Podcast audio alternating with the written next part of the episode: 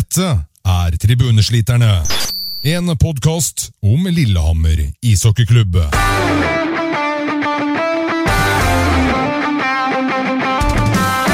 Si hei til Håkon, Espen og Hans Christian.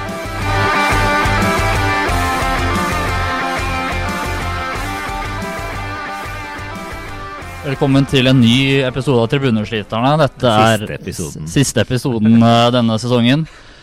En sesong hvor det ble kanskje litt kortere enn det vi hadde forventa for Lillehammers del. Endte med fjerdeplass i grunnserien og exit i kvartfinalen mot Frisk Asker etter sju kamper. Eh, Dette skal vi komme litt mer inn på i dagens episode. Vi skal prate ja, oppsummere sesongen, åssen den har vært, se litt framover neste sesong, og ja, med, blant annet med tanke på lagbygging. Og så har vi også Mikael Kvernstrøm har jo slutta nå. Det er også en trenerjakt på gang som vi også vil komme og prate litt om, da. Med oss så er det mm, vi tre faste. I tillegg så har vi med oss Arild Aasveen og Atle Svensrud. Eh, velkommen til dere to. Takk. Vi kan jo starte litt eh, med deg, Atle. Om, nå ble det jo exit i den sjuende kampen her mot Frisk Asker.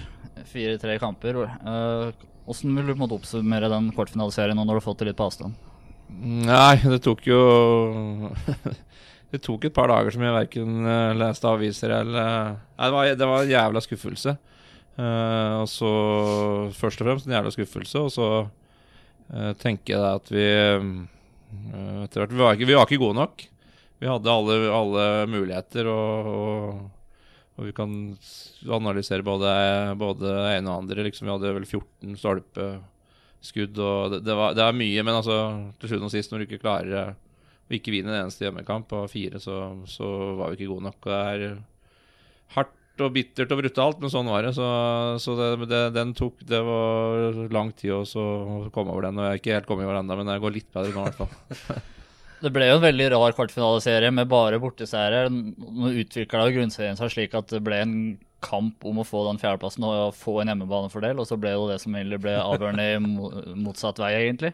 Hvilken forklaring har du på at det- det ble sånn? Nei, jeg tror ikke det er noen som har noen god forklaring på det, liksom, for det er, jeg tror ikke det aldri har skjedd før. Jeg har ikke, I hvert fall ikke som jeg veit av. Og, og ja, så det var jo, som du sier, at det var jo godt og godt kjempa for å få hjemmebanefordelen, og så var, var ikke det i det hele tatt. Så det, det var merkelige greier. Men sånn er det, sånn er det innimellom. Og, og hvis du oppsummerer, så Frisk ville vel litt mer loss, kunne, kunne det se ut som. og nå har ikke jeg gjort noen kjempeanalyse av det her, men altså de, Jeg tror at vi havna i en situasjon der vi eh, Der vi ikke tok det siste og ofra det siste. Hvis du ser på kampene, så kanskje Frisk blokka litt flere skudd enn oss. Eh, En del sånne smådetaljer som, som, som avgjør en sånn når det blir såpass jevnt. Altså, uten at det har noe med hjemmebane og bortebanefordel Men jeg tror, jeg tror at vi var ikke, vi var ikke kyniske. Vi var ikke De ville litt mer. Og den siste kampen her så så det veldig ut som at uh, Lillehammer turte ikke å spille hockey etter at de gikk opp til 1-0. Mm. Så de knøt seg veldig, var livredde for å slippe inn mål der, og slapp seg aldri løs. Når det ble 2-1 til Frisk, slapp seg litt mer løs igjen på slutten her, men da var Ja. det for seint. Ja, det var litt å øh, Nå er jeg, jeg er jo i garderoben i pausen, men ikke, ikke helt på, på Jeg bare er litt på utsida, på en måte. Men jeg veit jo at Pelle om ikke uh, gjorde jo alt for at de skulle slappe av, uh, nyte ikke sant? Det er ikke alle forunt å få spille en sjuende kamp. Det, det, jo, det skal være morsomt. Og de var hele tida på at de skulle få inn få 2-0, liksom. Spill for det, men ikke, ikke, ikke bli vågal, men spill for å få et mål til. For det går ikke an, vi kan ikke drive og ri på 1-0, men likevel så ble jeg ikke Så hele, altså alt rundt og spillet prøvde helt sikkert, men det ble Det, det, det var noe det, det ble noen knytinger for dem, så det ble Så snudde meg, så må du Vi måtte, så, så, så angriper vi igjen, så Ja, det var mye rart som skjedde, og, og Ja. Men ikke bra nok. For når du var her i starten av sesongen, en av de første episodene her, så, så prater vi på dette her med at i år så hadde vi en fordel kontra tidligere år. Vi har vært i finaleserie i fjor og semifinale året før. At det var verdifull erfaring, men det så ikke ut som om den akkurat uh, spilte positivt inn i Nei, det var kjent å bli møtt med Nei, jeg er helt enig i det. Og det er, uh, øh, ja, det vir ja, det var litt sånn Vi hadde jo en gjennomsnittsalder. Nå ble jeg jo yngre enn vi hadde året før, faktisk. Men vi, hadde, vi har mye spillere som har etter hvert for mye sluttspillererfaring. Så det var på en måte Vi hadde håpa at det var sånn, og, og det tror jeg er likevel, da. Men, men, men nå ble det Det kunne se ut som det at det ikke hadde noe, hadde noe innvirkning på positiv retning, i hvert fall. Hvis vi liksom skal oppsummere litt, sånn som det ble nå, en fjerdeplass og en kvartfinale, er, det innafor å si at det har vært en mislykka sesong, eller åssen vil du beskrive det? Nei, som, nei ikke, jeg syns ikke det har vært mislykka, men men, øh, men, øh, men når vi ryker på kvartfinalen, så er det veldig bittert, sjø- sjølsagt. Og så tror jeg aller fleste hadde jo tippa oss på sjetteplass. Og, og jeg syns at vi har gjort det bra med å få med, Det ble jo nye, mye nye spillere, og vi, jeg syns at vi gjorde det bra i, i serien. Så, så, men det er klart at sluttspillet som teller, og når vi da har vært i finalen året før og ryket til kvartfinalen, så så er det vel ikke mislykka, men i hvert fall øh, minus. Uh, altså det er ikke har, vi kommet til semifinalen og ryker der, på en måte, så har det blitt helt noe annet, mener jeg da. Så.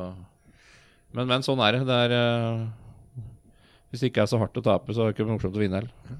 Det var jo, altså, Gateligaen i år var jo litt annerledes enn uh, var i hvert fall året før. da. Altså, jeg mener Vålerenga de var jo relativt dårlig året før, og Stavanger var jo helt på jordet, var jeg nær sagt. Sånn at det, det var jo en, en del mer konkurransekraftige lag i uh, Gateligaen i år, da, så kanskje ikke så uventa heller, jeg vet ikke. Nei, altså det er jo det mange Du må huske på at det er mange Det er jo ikke bare vi som satser i, i norsk ishockey, så at vi da er jo nummer fire og eh, og er med i sluttspillet åtte, og så er vi en av de fire som ryker. Det er jo liksom ikke noe sånn Det kan jo skje, eh, for det er andre Det er andre lag som, som satser tøft og, og vil være med. Så, men vi ønsker jo å være Vi ønsker å være en del i toppen, og så, så ser vi jo det i forhold til budsjett og sånne ting, type ting at vi, at vi Det er jo flere noen klubber som har litt mer rutte mellom oss, men, men uh, bruker ikke så mye krefter på det. For at vi, vi har vist før, eh, senest i fjor, at det, det går an likevel. Så.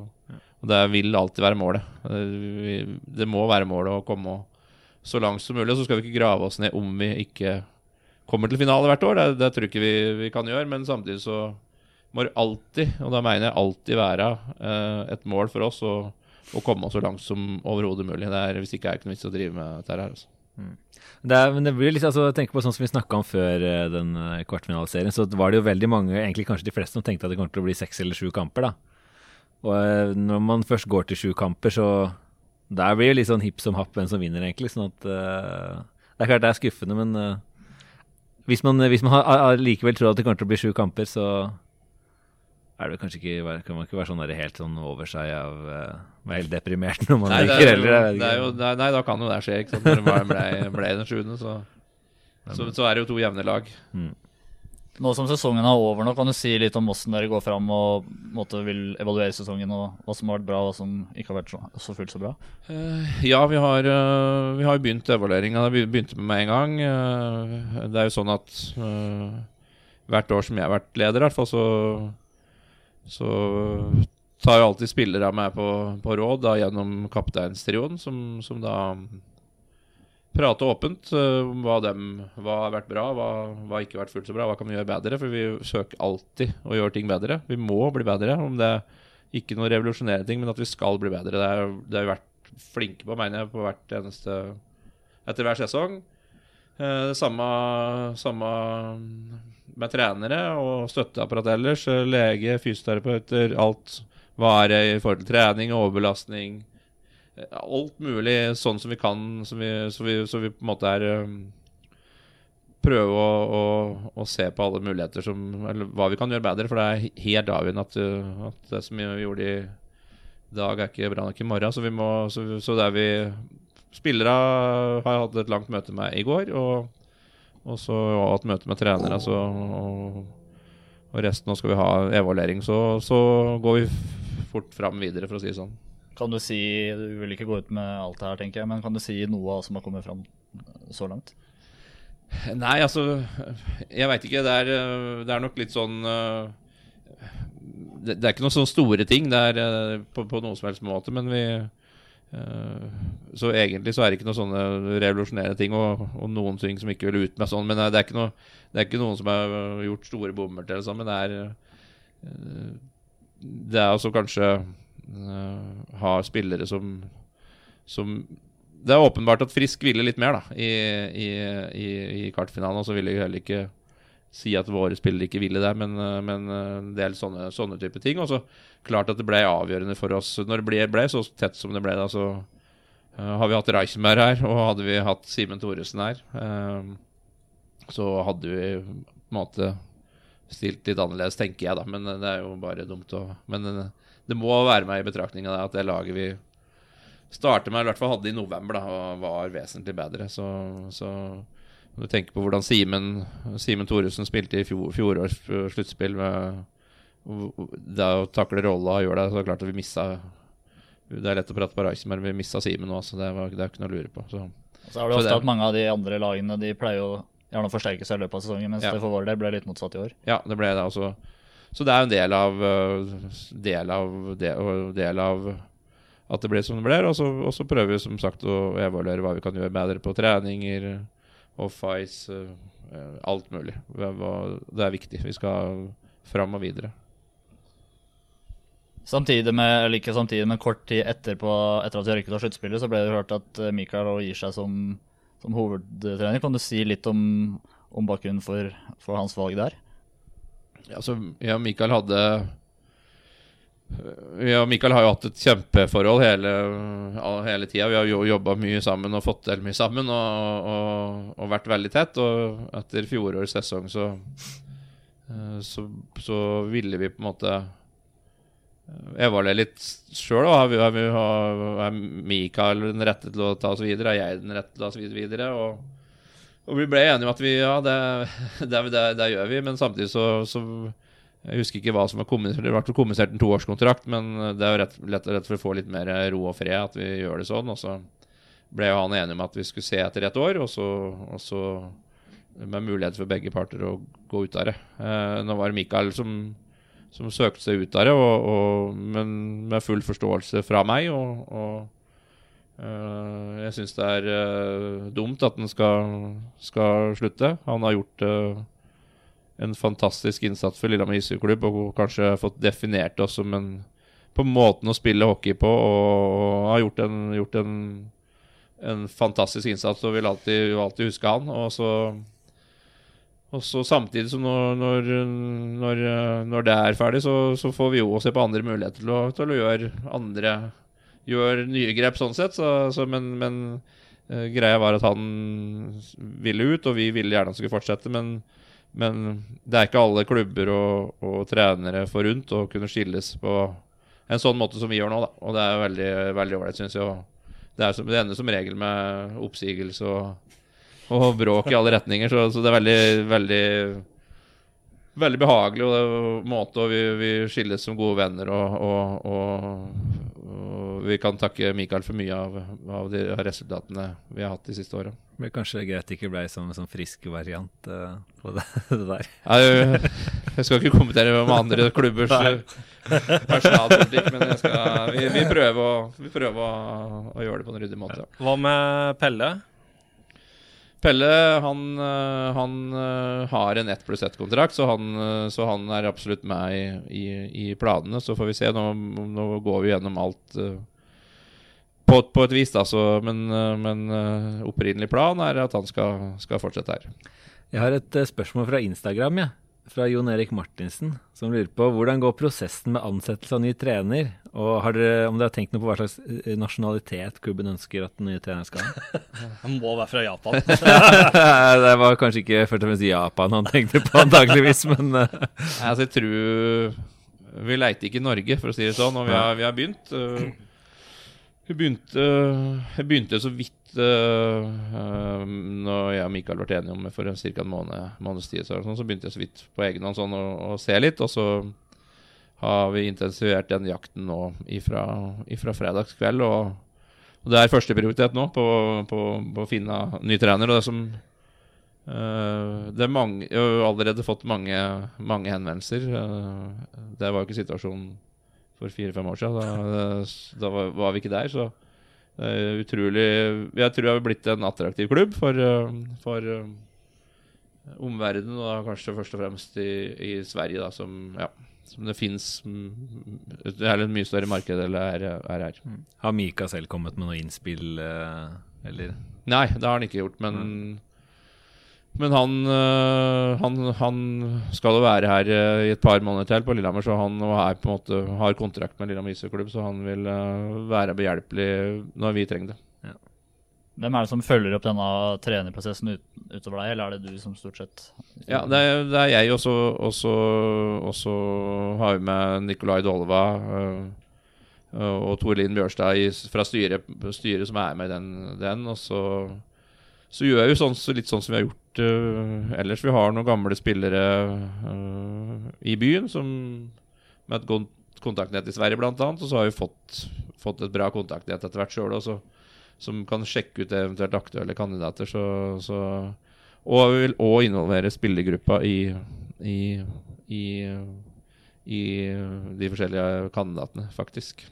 Er det slik at dere på en måte har en liste med kandidater som dere sjekker ut, eller er Ja. dere åpne for nye navn som kommer inn underveis? Ja, det er, det er vi jo som Vi må snart begynne å intens- eller få innsnevra den lista. Så i løpet av uka tenker jeg så har vi, har vi noen, noen navn som vi, som, som vi går videre og, og det er førstepriv vi prøver å, å, å få det på plass så fort som mulig, sånn at den nye treneren kan være med og, og, og hente, hente og bygge det siste delen av laget. Etter at det ble kjent i media der at Michael Mikael skulle gi seg, så var det jo Kommentarfeltene fylte seg ganske hot opp med ønsker, og det var jo særdeles mange som ønska Kevin Hart selv tilbake til eh, Lillehammer. Er han på lista, eller er det, kan du avskrive det? Nei, eh, jeg kan si det sånn, jeg vil ikke avskrive det. Nei. Nei. Høres bra ut. Hva er liksom må kjennetegne den nye Lillehammer-treneren? Hvordan, hvordan trenertype skal, skal det være? Nei, Vi er jo ganske klar på at, øh, at en altså, Det er jo et vidt begrep, da, men en, en moderne lederstil, inkluderende lederstil, sånn som, sånn som vi har hatt det. Eh, det er, det er eh, Vi skal ikke ha noen som står og gaper og skriker og kjefter og Så skal vi ha en, en trener som er bestemmende. Vi skal ha en som er inkluderende. Moderne leder, gjerne en ung. Fremadstormende trener. Det kan det være. Det er jo litt vanskelig å spå, men hvis, du- når kan vi forvente sånn tidsmessig at vi har en ny trener på plass, sånn som du ser det? Nei, det er vanskelig, ikke sant, i forhold til øh, Det kan jo være noen som er i har, har kontrakter, og det er mye sånn timing sånn, men, men så raskt som overhodet mulig. Det er første pri- prioritet. Samtidig som vi jobber parallelt med, med spillere også, men, men det er første prioritet. Er det en del i, i forhold til eh, scouting av spillere osv. som har blitt satt på vent nå, som foreløpig til trenere er på plass, eller eh, har Ja. dere et ferdig lag som dere vil gjerne at en ny trener skal godkjenne eventuelt?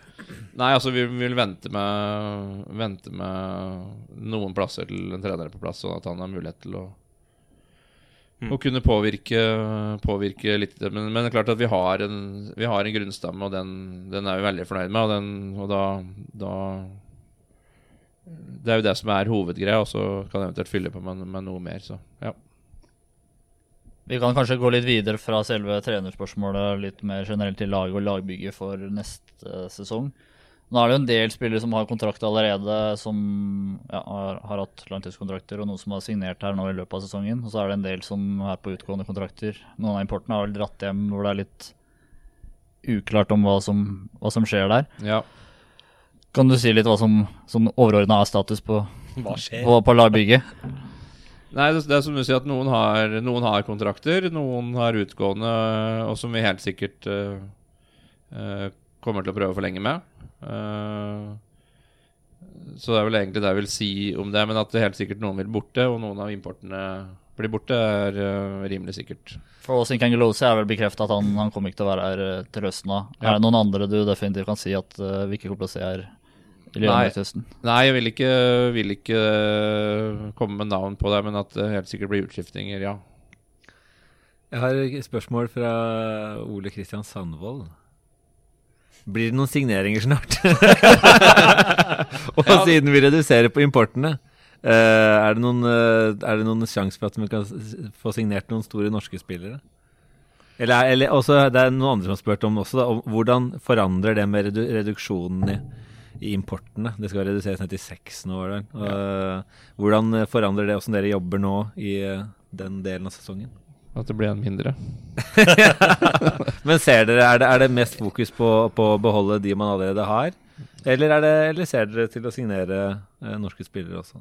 Ja, absolutt så ser vi jo på, på, på norske spillere. Og det er, jo- en uh, interesse for å komme hit, som som da for tre-fire år siden ikke var, var i særlig stor grad. Så, så vi absolutt uh, ser på det, og det er, og det er interesse fra, fra norske spillere. Og så uh, er det begrensa hva som er interessant. Det kan være såpass eh, Ja, eller altså, ja det er, vi, vi er veldig bevisst på hva vi eventuelt skal ha inn. Så, Ja, klart så vi har et par norske spillere på blokka, ja. Jeg tenker på importkvota. Import Vi trenger ikke å diskutere igjen så mye i detalj om hva du synes om det og hvordan det kommer til å slå ut. Men kan du si litt om hvordan Lillehammer som klubb stilte seg til Stilte seg til når det var oppe til diskusjon, mer eller mindre blant klubbene i Norge, og hva, hvilken, om vi stilte oss positive eller negative eller nøytrale, eller åssen inngang du hadde til det? Jo, jeg kan, jeg kan gjerne si litt om det, for at det er eh, Altså, det har vært en prosess Altså, tanken bak og, og, og intensjonen uh, bak å gjøre det er veldig bra. Og hvis det har vært så enkelt at vi, at vi har kuttet en import eller to eller tre eller fire, eller, så blir alle landslagene våre bedre, så hadde vi selvfølgelig ja, det gjør vi. Eh, jeg tror og er ganske sikker på at det er mer sammensatt. Eller som så, og, det er, og det er jo kom, kommet fram, men jeg syns at jeg syns at diskusjonen ikke ble god nok øh, rundt det. Øh, vi ønska å være en del av et utvalg som diskuterte, som vi fikk ikke lov til å være med der. Uh, på grunn av at det er så mange andre ting, da. Hva, hva, med spillere som, som blir fornorska? Hva, hva tar, De tar jo like mye en plass fra en ung gutt som en import. Ikke sant? Det er en del sånne spørsmål som jeg og vi som klubb ønska kanskje belyst i mye større grad. For er det en ting som, som sikkert kommer til å skje, så er det jo kreativitet rundt akkurat den biten der. Og, og, og kanskje vi må gjøre det samme på en måte. Men jeg mener at uh, det vi skrev da, i den, det innlegget vårt, er at det er ikke nødvendigvis Vi ser poenget, men det er ikke nødvendigvis uh, det kan, Vi kan få til begge deler. Vi har hatt sju importer i alle åra jeg har vært med. Eh, men vi har fått fram flest unggutter av alle. Så det bør ikke være noe mot Jeg skjønner poenget, men det bør ikke være noe mot, mot stridende det. Det gjelder egentlig hvilken holdning du har til det. Og jeg mener at vi har hatt en, en holdning som har vært bra for norsk ishockey, og fått fram masse, masse unge spillere. eh, og, og, men samtidig så vil det være å redusere importer eh, gå ut over eh, de minste klubba.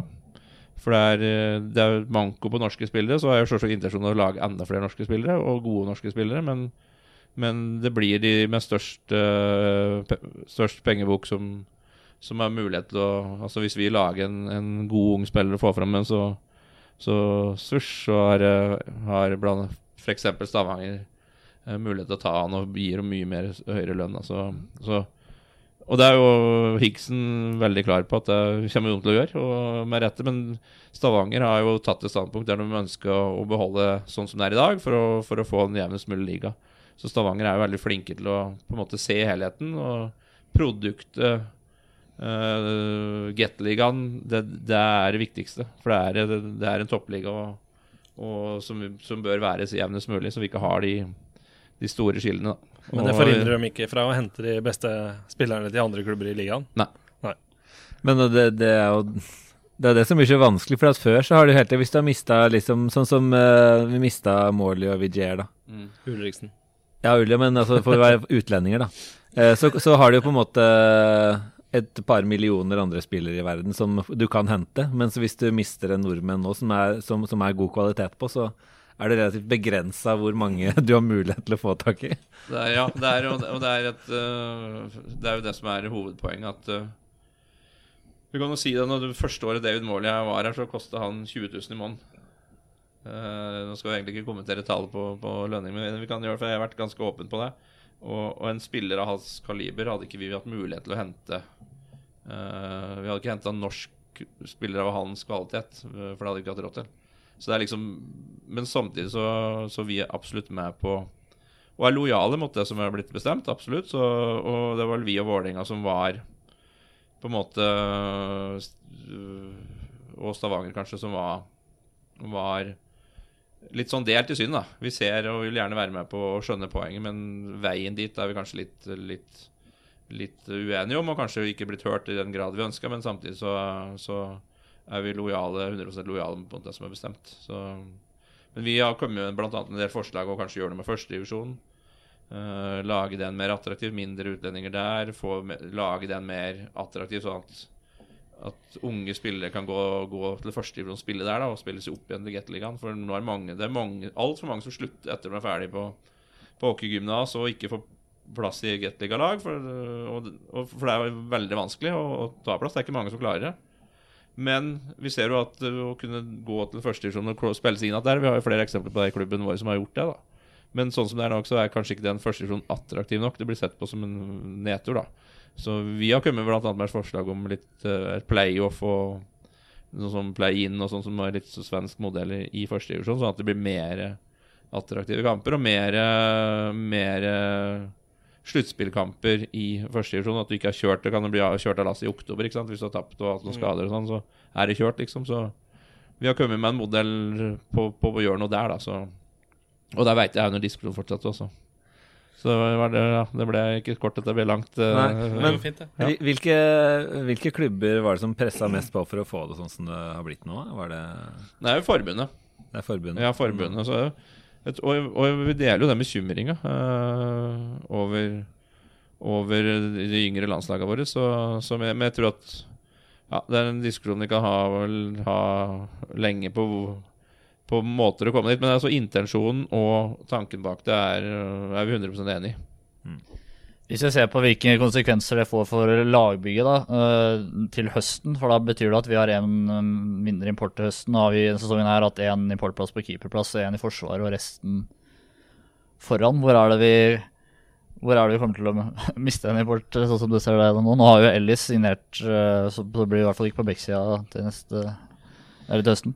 Nei, altså vi vet ikke helt hvordan, hvordan den fordelinga Det har vi ikke bestemt. Så, så vi, måte, det kommer litt an på det er, det er, jo, Så lenge det er én borte, så er det klart at uh, norske spillere blir attraktive, mer attraktive med en gang. Så, sånn sett så virker jo at, du, at det er en nordmann til som får plassen. da Så, så får vi se hva vi eventuelt uh, kan få tak i der, som da blir, kan bli avgjørende for hva vi På fordelinga i lagdeler på importplasser. For det, det, det veit vi ikke ennå. En spiller som mange har spekulert mye rundt, det er jo naturlig nok etter en sånn sesong, det er Jakob Nord. Er det noe nytt rundt han?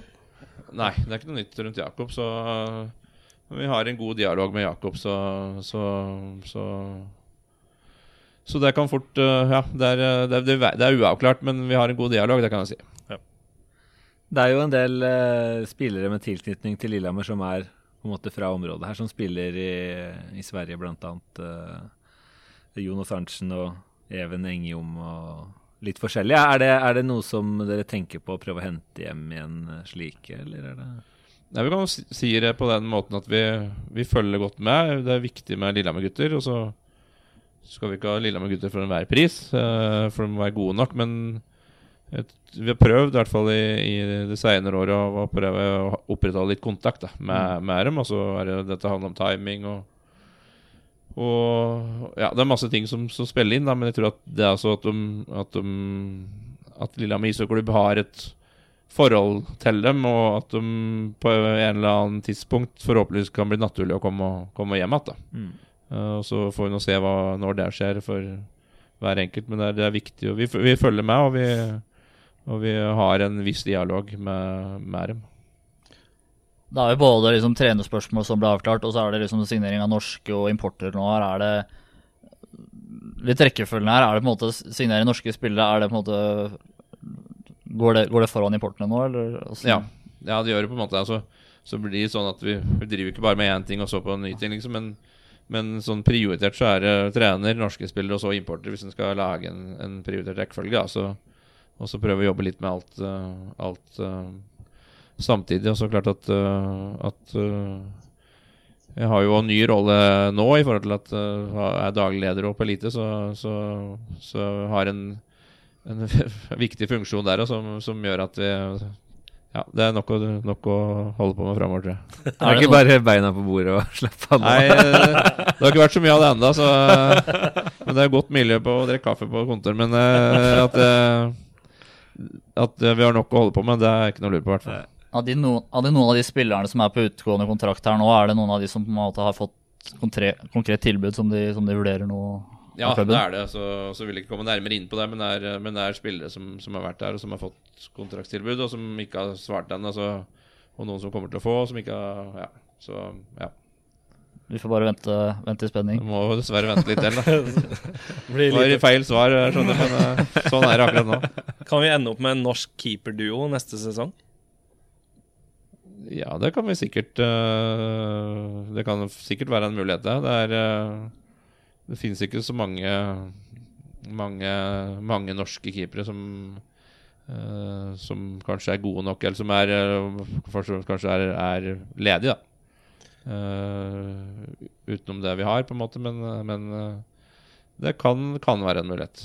Ja, for det sto jo I GD så bekrefta du at det var to spillere som hadde gitt beskjed om at de ikke skulle være med videre. Den ene er jo Austin. Kanskje også, Hvem er den andre? Nei, Der viste det kanskje å være litt feil, så, så ja. vil ikke det er, det, er, det er agenter inne i bildet her, og dem, eh, for å si det sånn, det, kan, kan gjerne, det kan vi gjerne ha et program om aleine. For uh, det lages utrolig mye støy og urolighet for oss. Og jeg er forbanna mer én gang i, i uka, for å si det sånn. For, for det er et Ja, vi kan jo Jeg skjønner at det er sånn, og at vi må forholde oss til det, men eh, jaggu er det mye rart, altså. Så, så Og dem, ja, dem dem kommer med ting til spillere og som, som, som gjør at de, Så kan du si at de skal være profesjonelle og spille, men det er klart at det kan komme mye mye rart i huet på dem som kan forstyrre hva de skal gjøre på isen. Og ja. Forrige sesong så var det jo tre av spillerne våre som hadde signert i løpet av finaleserien. Mm. Er det slik at vi fort kan uh, gjøre noe av det samme i år, eller få, signert noen andre norske spillere fra andre klubber eh, før sesongen er over? Det hadde vært veldig moro å gjøre, så, så, så lik, li, men likte jo ikke helt måten og, og, og at dem Stavanger gjorde det på. Så, men samtidig så går det ikke an å være sånn uh, snill i dette gamet her, så vi får gjøre de grepa som vi mener er best for oss, for det gjør alle andre. Og så har vi ikke noen konkrete planer på det, men er det sånn, så prøver vi det. Men de tilbudene som du sa at har gått i som å spille, er det, er det kun egne spillere på utgående kontrakt det er snakk om da, eller er det også noen eksterne spillere som ikke har vært tilknytta klubben denne sesongen her? Ja, begge deler, ja. Hvis vi ser litt på å oppsummere sesongen litt, da. eh, På spillene som har vært, er det på en måte, hvis vi ser bort fra kontrakter og alt det der, er det noen du liksom vil trekke litt fram når du liksom oppsummerer sesongen, som har tatt, tatt noen steg, syns du? Nei, Vi syns jo at, vi, at, at, uh, at uh, de fleste av spillere har tatt, uh, tatt steg. Og ikke sant, vi blir jo ofte kanskje utålmodige glemmer litt hva som, hva som hva som, hva som har skjedd, da, men at vi, vi vil jo hele tida søke å bli bedre. og F.eks. Mats Somrom, som jeg, nå har ikke jeg eksakt statistikk, da, men sånn på, på droppstatistikken hans så kanskje lå på 20 for to år siden, og litt bare, men nå er den kanskje oppe i 40-50, ikke sant, uten at jeg er helt eksakt, men jeg vet i hvert fall at den har blitt bedre. Altså, det er sånne type ting da, som, som, som At vi har spillere som hele tida prøver, prøver å, å å, bli bedre. Og som jeg syns det er mange som har tatt steg, og så, og så, og så er det viktig i den sånn, de tider som er nå. Det, er det, det blir jo mer og mer, og annet med hjelp av agenter og alt mulig annet. øh, fokus på hver enkelt spiller, og at dem skal sånn og sånn og sånn. Men jeg, det er jo tross alt lagidrett dette her, så jeg er veldig glad i, i dem som Eh, dem som tar rolla si og gjør den 100% og ofrer seg totalt og 100% for laget, som, som vi har, har noen av som gjør. Uh, og det er viktig Det er viktigere og viktigere at de på en måte eh, tar, tar den, tar den rolla og gjør det med stolthet. Og, og sånne spill er viktig for meg, uten at jeg Uten jeg skal gå konkret ut på navn. Men, men, men det, er, det er mange som har tatt steg. Det er jo mange som har vært involvert i landslaget på et eller annet tidspunkt i løpet av sesongen her, og det er jo Sondre Bjerke, Adrian Saksrud Danielsen, Christian Foss, eh, Jakob Lunell Nord og Stian Kaltøy Nystuen som i hvert fall kommer på i farta her nå. Mm. Så det er jo Det har ikke bare vært grått i år, i hvert fall. Nei, ja, og så nå har vel eh, Nå har jo ikke uh, merkelig nok ikke fått uttaket på U25, men, eh, men eh, ifølge ryktene så er jo Jonas Medby og, og Martin Ellingsen tatt ut på det, i tillegg til dem som, som, eh, som er, er av gårde nå. Så, så, så det er helt klart, og, det er jo det som gjør at det kanskje har blitt en ny situasjon for oss, og vi og som viser at vi klarer å lage og produsere spillere. Vi hadde jo eh, Vi skal ikke så langt tilbake før vi ikke hadde noen. ikke sant? Og nå har vi her en, en, en landslagssamling her i vinter eller høst, så hadde vi jo eh, to på U16, fire på U18, eh, U20, flere på A-landslag. ikke sant? Det er en situasjon som, vi, som det er i hvert fall lenge siden Lillehammer Isseklubb har vært i. Så, så det er veldig, veldig, veldig spennende. Nå med importkvota og så åpner det seg på en måte opp plass for flere nordmenn òg. Hvem tror du at kan liksom ta et steg inn på laget neste sesong? Nei, så Nå har vi ikke kommet helt til kontraktsforhandlinger, men det er vel åpenbart at en type som Sverre Rønningen, eh, som har fått prøve seg, har, er absolutt uh, potensial. Og så, og så er det, det er mange, mange på U21-laget som, som er gode, som vi ser på og som vi følger. og Der har vi et godt samarbeid, uh, jeg og, og Skarpen, Per Olav Skarpjord, som på en måte eh, på kanskje en ny måte ser spillere Han, han har jo ansvar for U21-laget. Og prøve å få dem til å være tålmodige, og det er ikke så lett, men at det er et potensial der. Men som sagt så er nåløyet med å komme inn på å ta en A-lagskontrakt, det er vanskelig.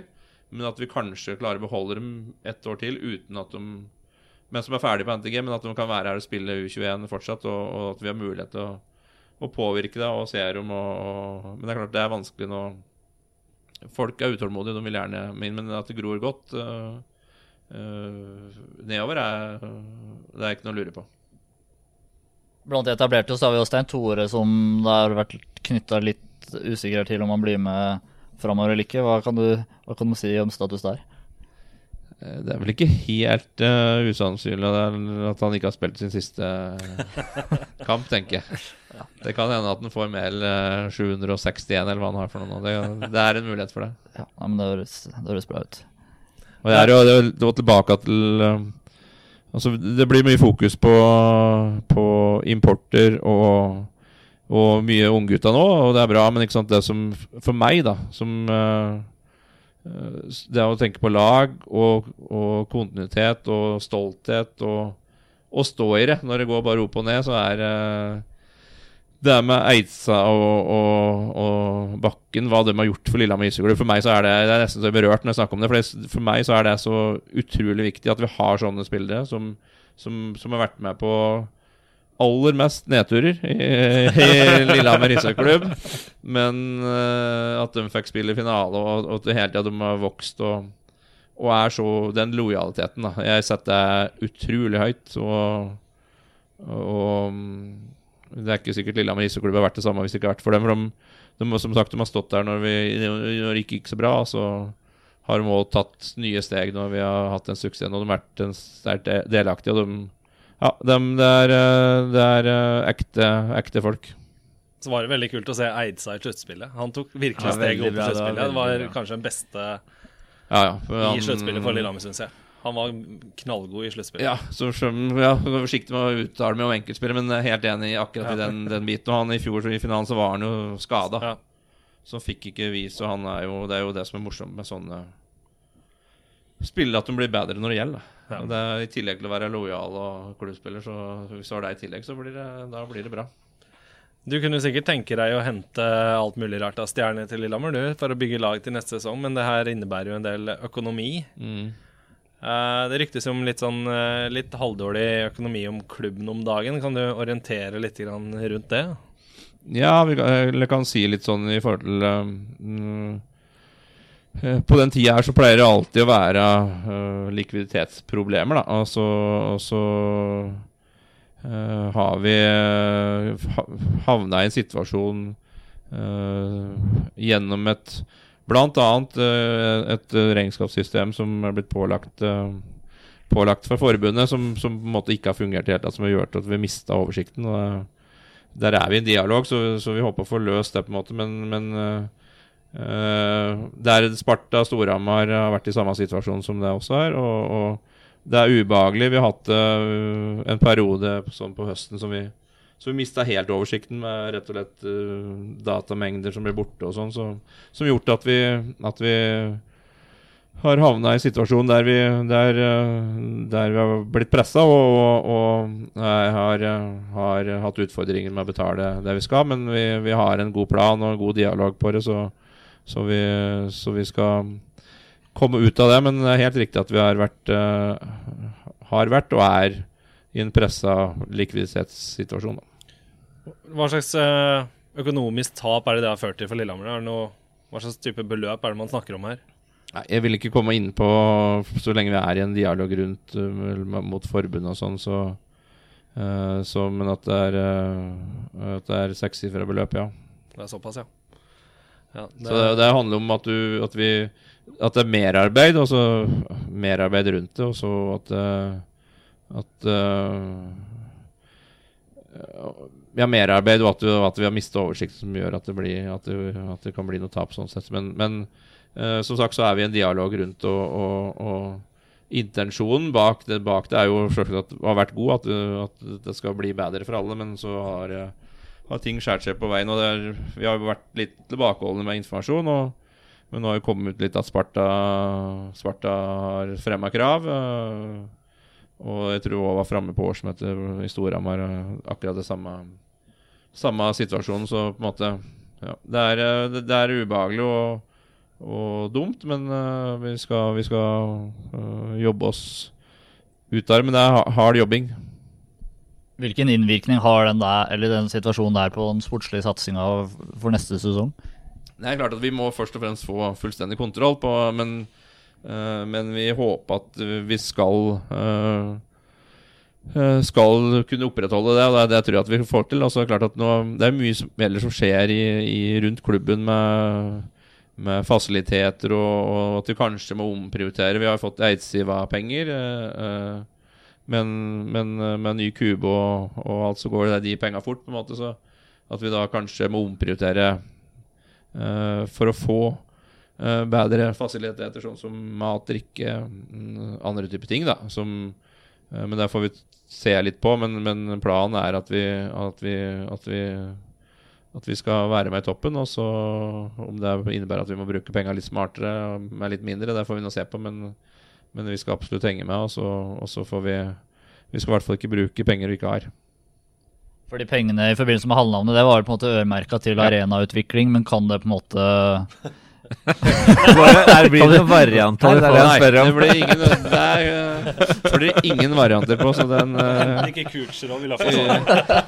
Utelukkende på Jeg vet ikke hvor mange ganger det er nevnt. Det får vi høre hver gang. Det er, ikke, det, er, det, er ikke dine penger, Atle. Så, så, det er helt Og dette er jo et uh, godt samarbeid med kommunen og Eidsiva, så, så, så, det er soleklart. Så. Det her føler jeg noe Lillehammer har prøvd før. ja. Jeg skal ikke uttale meg om det, det men, uh, men uh, de penga der skal kun gå til utvikling av arena.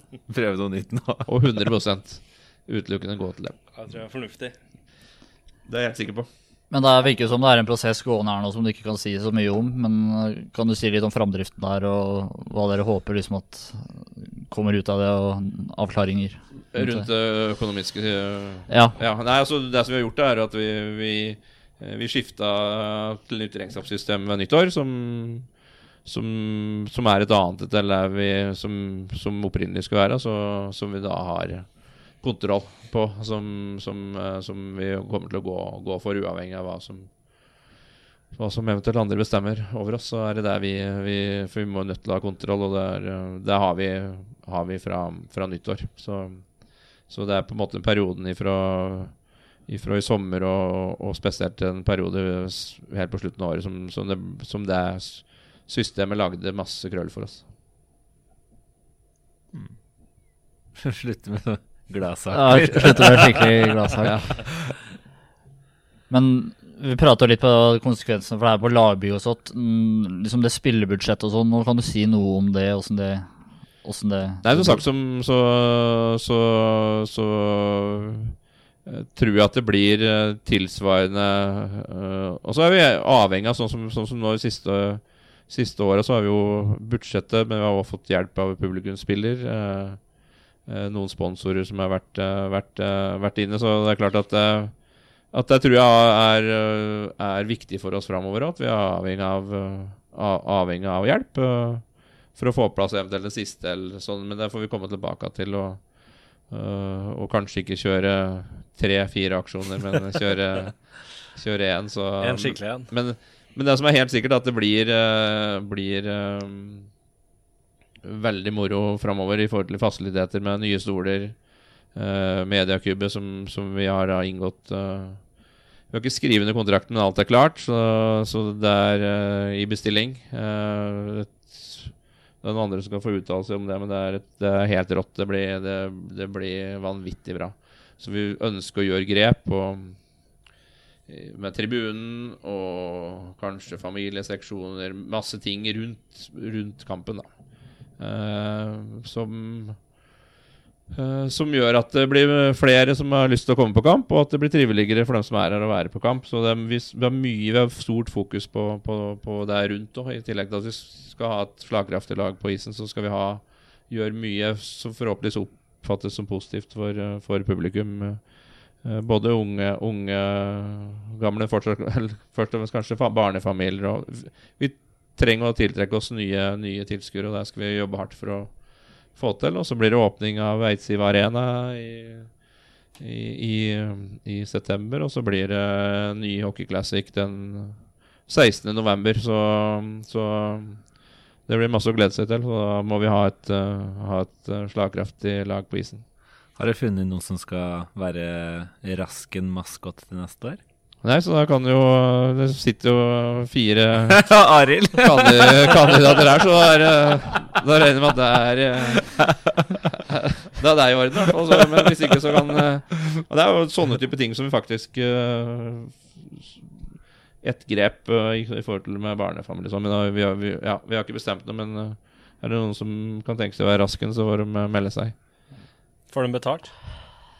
Før på en Vi, pørse. vi, vi skal bli enige om det.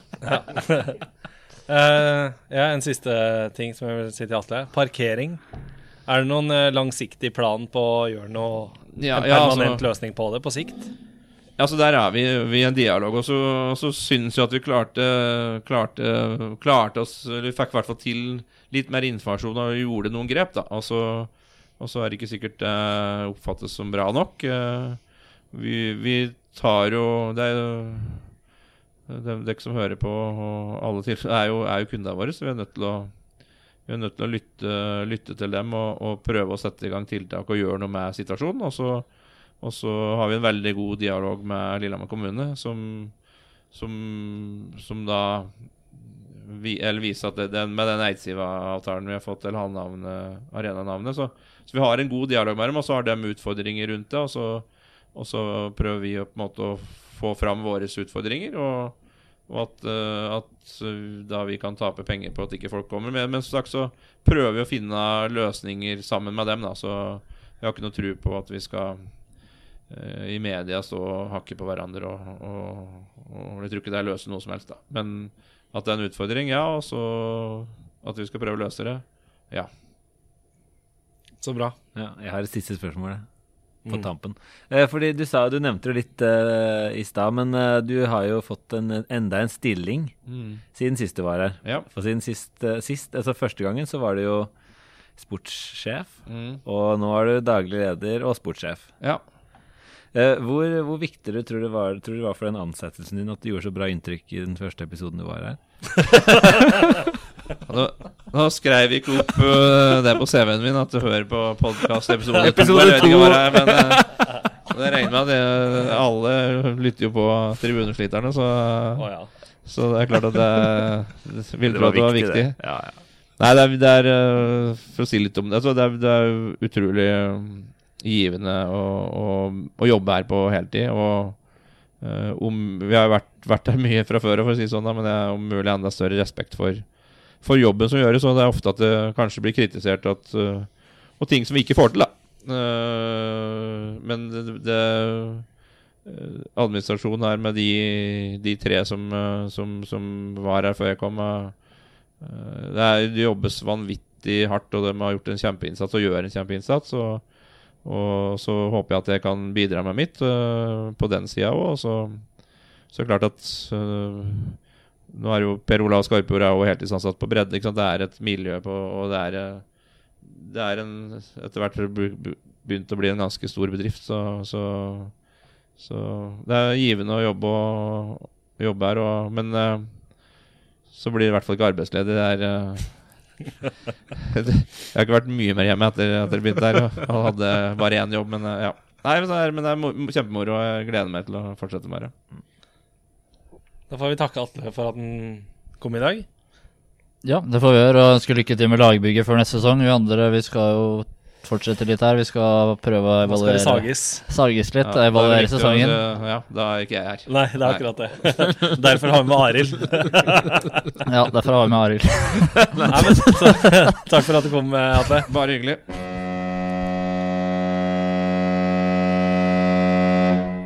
Vi skal altså evaluere sesongen litt. Vi tenker uh, litt terningkast og sånn, og da går vi ikke helt ned på in- enkeltindivider. Det vil ta litt tid, og vi vil kanskje skåne, skåne noen litt for det òg, men vi tar i hvert fall lagdel for lagdel, tenker vi. Vi Ta organisasjonen og, og, og ytre litt terning på hele organisasjonen. Nei, jeg skal ikke det. Men uh, tanken er i hvert fall vi går lagdel for lagdel i en overordna terningkast på hver lagdel, og så kan vi trekke fram litt hva vi alle syns har vært positivt og negativt på hver lagdel med eksempler på spillere. da. Vi kan jo begynne helt bakerst. Der hadde vi en mm, ja, keeperduo med Jørgen Hanneborg og Kristoffer Bengtsberg i år. Uh, hvis vi skal gi et overordna tæringkast på det, så vil jeg i hvert fall kaste ut en firer, tror jeg. Jeg har satt opp en firer uh, sjøl, jeg. Eh, jeg har satt opp en femmer, faktisk. Ja. Jeg tenker fire høres eh, bra ut der, altså. Ja. og så over til deg, Hansa. Hvorfor er du så jævla positiv? Den femmeren her, si noe om den. Den, du Men jeg kan tenker at vi først kan liksom si litt om tanken bak ternekastene. Er det om det liksom er, er det hvor bra de har prestert for laget, eller er det liksom hvilke forventninger vi har? Hvordan, hvilke, Det er ut ifra våre personlige forventninger vi hadde. ja, bare så lytterne er eh, klar over det. Mm, ja. Jørgen Hanneborg var jo en ny mann som kom her, da, og han fikk jo spilt litt flere kamper enn det som de fleste hadde trodd. Bortsett fra vi som var inne på det ganske tidlig. Ja, bortsett fra oss. Uh, Vi som så liksom den første treninga han ikke var med på, blant annet. Han endte opp med 24 kamper og 90 i, i redningsprosent. Sånn isolert sett så høres jo ikke 90 sånn utrolig bra ut, men det må jo gå, gå og si at han har hatt en veldig positiv overraskelse allikevel. ja, jeg er helt eh, enig. Jørgen har gjort en kjempegod figur uh, i Lillehammer-drakta. Det er ikke noe tvil om det i hele tatt. Han er ung. Han har eh, fortsatt en del ting å lære på, uh, som han blir bedre på. Men han er jo 19 år. Fyller vel 20 det året her, gjør han ikke det? Jeg tror han akkurat har gjort det. Han kanskje han akkurat har gjort det. Ja. Ja, han er i hvert fall ja, Ja. 99-modell. Han har jo fått uh, Han fikk jo, som forventa ut ifra mine øyne, ganske mye tillit den sesongen her, sånn. Og det er, han- han har står ikke noe tilbake for andre keeper i Gateligaen. Visse områder så er han jo litt grann svak, som på behandling av eh, spak, sette i gang spill med puck, dirigere bekker osv. Men det der kommer mer etter hvert, og med rutine og sånn. rutine. ikke sant? Han er jo urutinert. Men en eh, fenomenal skuddstopper, god på sideforflytninger. Han har gjort det kjempebra. Så veldig glad for at eh, Jørgen er med videre. Ja, for han har vel kontrakt til til neste sesong, for han signerte vel Ja, i, i hvert fall til og med neste sesong. Jeg Ja. lurer på om han har to år igjen nå, jeg. Jeg er ikke helt sikker. Nei, jeg tror, jeg tror en toårskontrakt, så han er på andre, eller starter på andre året nå. Ja. Det som er imponerende med, er jo meg mest, det er jo uten at jeg er noen keeperekspert, er jo at han er jo Er du ikke framstår keeperekspert? Kanskje jeg Hvorfor er, du- hvorfor er du her, egentlig? Men kan, kan ikke jeg introduseres, introduseres som keeperekspert? Ja, eh. jo, nei, men det, det jeg syns jeg legger merke til på, det er at han er, framstår som en veldig rolig type. En Rolig keeper. Og det er ganske sjelden vare til å være 19 år. Tenk at da har du framtida foran deg. Han ble veldig kasta uti der i starten, her, når Kristoffer Beinsberg var borte her i starten av sesongen i forbindelse med fødsel der. Og da var det ikke lett heller. Da, da var jo laget var jo helt eh, flatt i første del av sesongen her. Og han, Han fikk ikke mye hjelp, men han imponerte jo egentlig umiddelbart allikevel. Jeg husker jo de, de, altså de første, jeg husker ikke akkurat hvilke, hva som var første kampen han sto i, ja, men uh, altså når man så de innsatsene han hadde de første kampene Det var jo liksom som man så Jesus på høylys dag der. Det var jo Jeg tror Storhamar hjemme var første kampen hans, ja. Ja, I runde tre. ja for da snakka vi Mol Eskil Dahlstrøm her, og da var det sånn eh, Å, han derre Hanneborg i mål. Det var hel ved, da, som vi kalte det. Men eh, nei, så det jeg husker, det var, det var helt sånn ut av seg sjæl-opplevelse når man så han som man hadde stilt sånn spørsmål, spørsmålstegn med, som storspilte i liksom én kamp. Eh, og så tenkte man ok, ja, men da er lufta ut av den ballongen, liksom. Da. men så måtte bare fortsette det og fortsette det, og, til slutt så var, var det det som på en måte var den nye normalen, at han var en skikkelig god keeper. da. Eh, men jeg, jeg tror nok også at han skal, eh, skal øve seg litt med spaken uh, i sommer. Hvis det er lov å si. Jeg vet ikke, det, var, det, det kommer an på hvordan man tenker, selvfølgelig. Men, eh, men nå er det ikke alle som eh, har sånne tanker i huet som deg, kanskje. Men, Nei, neida, men jeg, jeg tror nok at han kommer til å øve, øve seg litt på det i sommer. Men eh, hvis jeg skal få lov til å Jeg som var den eneste som var på fem, da. Eh, hvis jeg skal få lov til å forsvare eh, femmeren, så, så må jo det være at eh, vi hadde to eh, gode keepere. Eh, til dels veldig gode. Og Bengsberg, av de som på en måte er førstekeepere, og som har stått et, eh, et greit antall kamper, så var jo han den tredje beste keeperen i Get. Jeg får se på redningsprosent. Eh, det eneste som, som jeg syns kanskje var litt dumt, var at når man hadde sånn til dels såpass rufsete forsvarsspill som eh, Lillehammer hadde i år, så hadde vi vært avhengig av å ha liksom kanskje enda et knepp opp, da.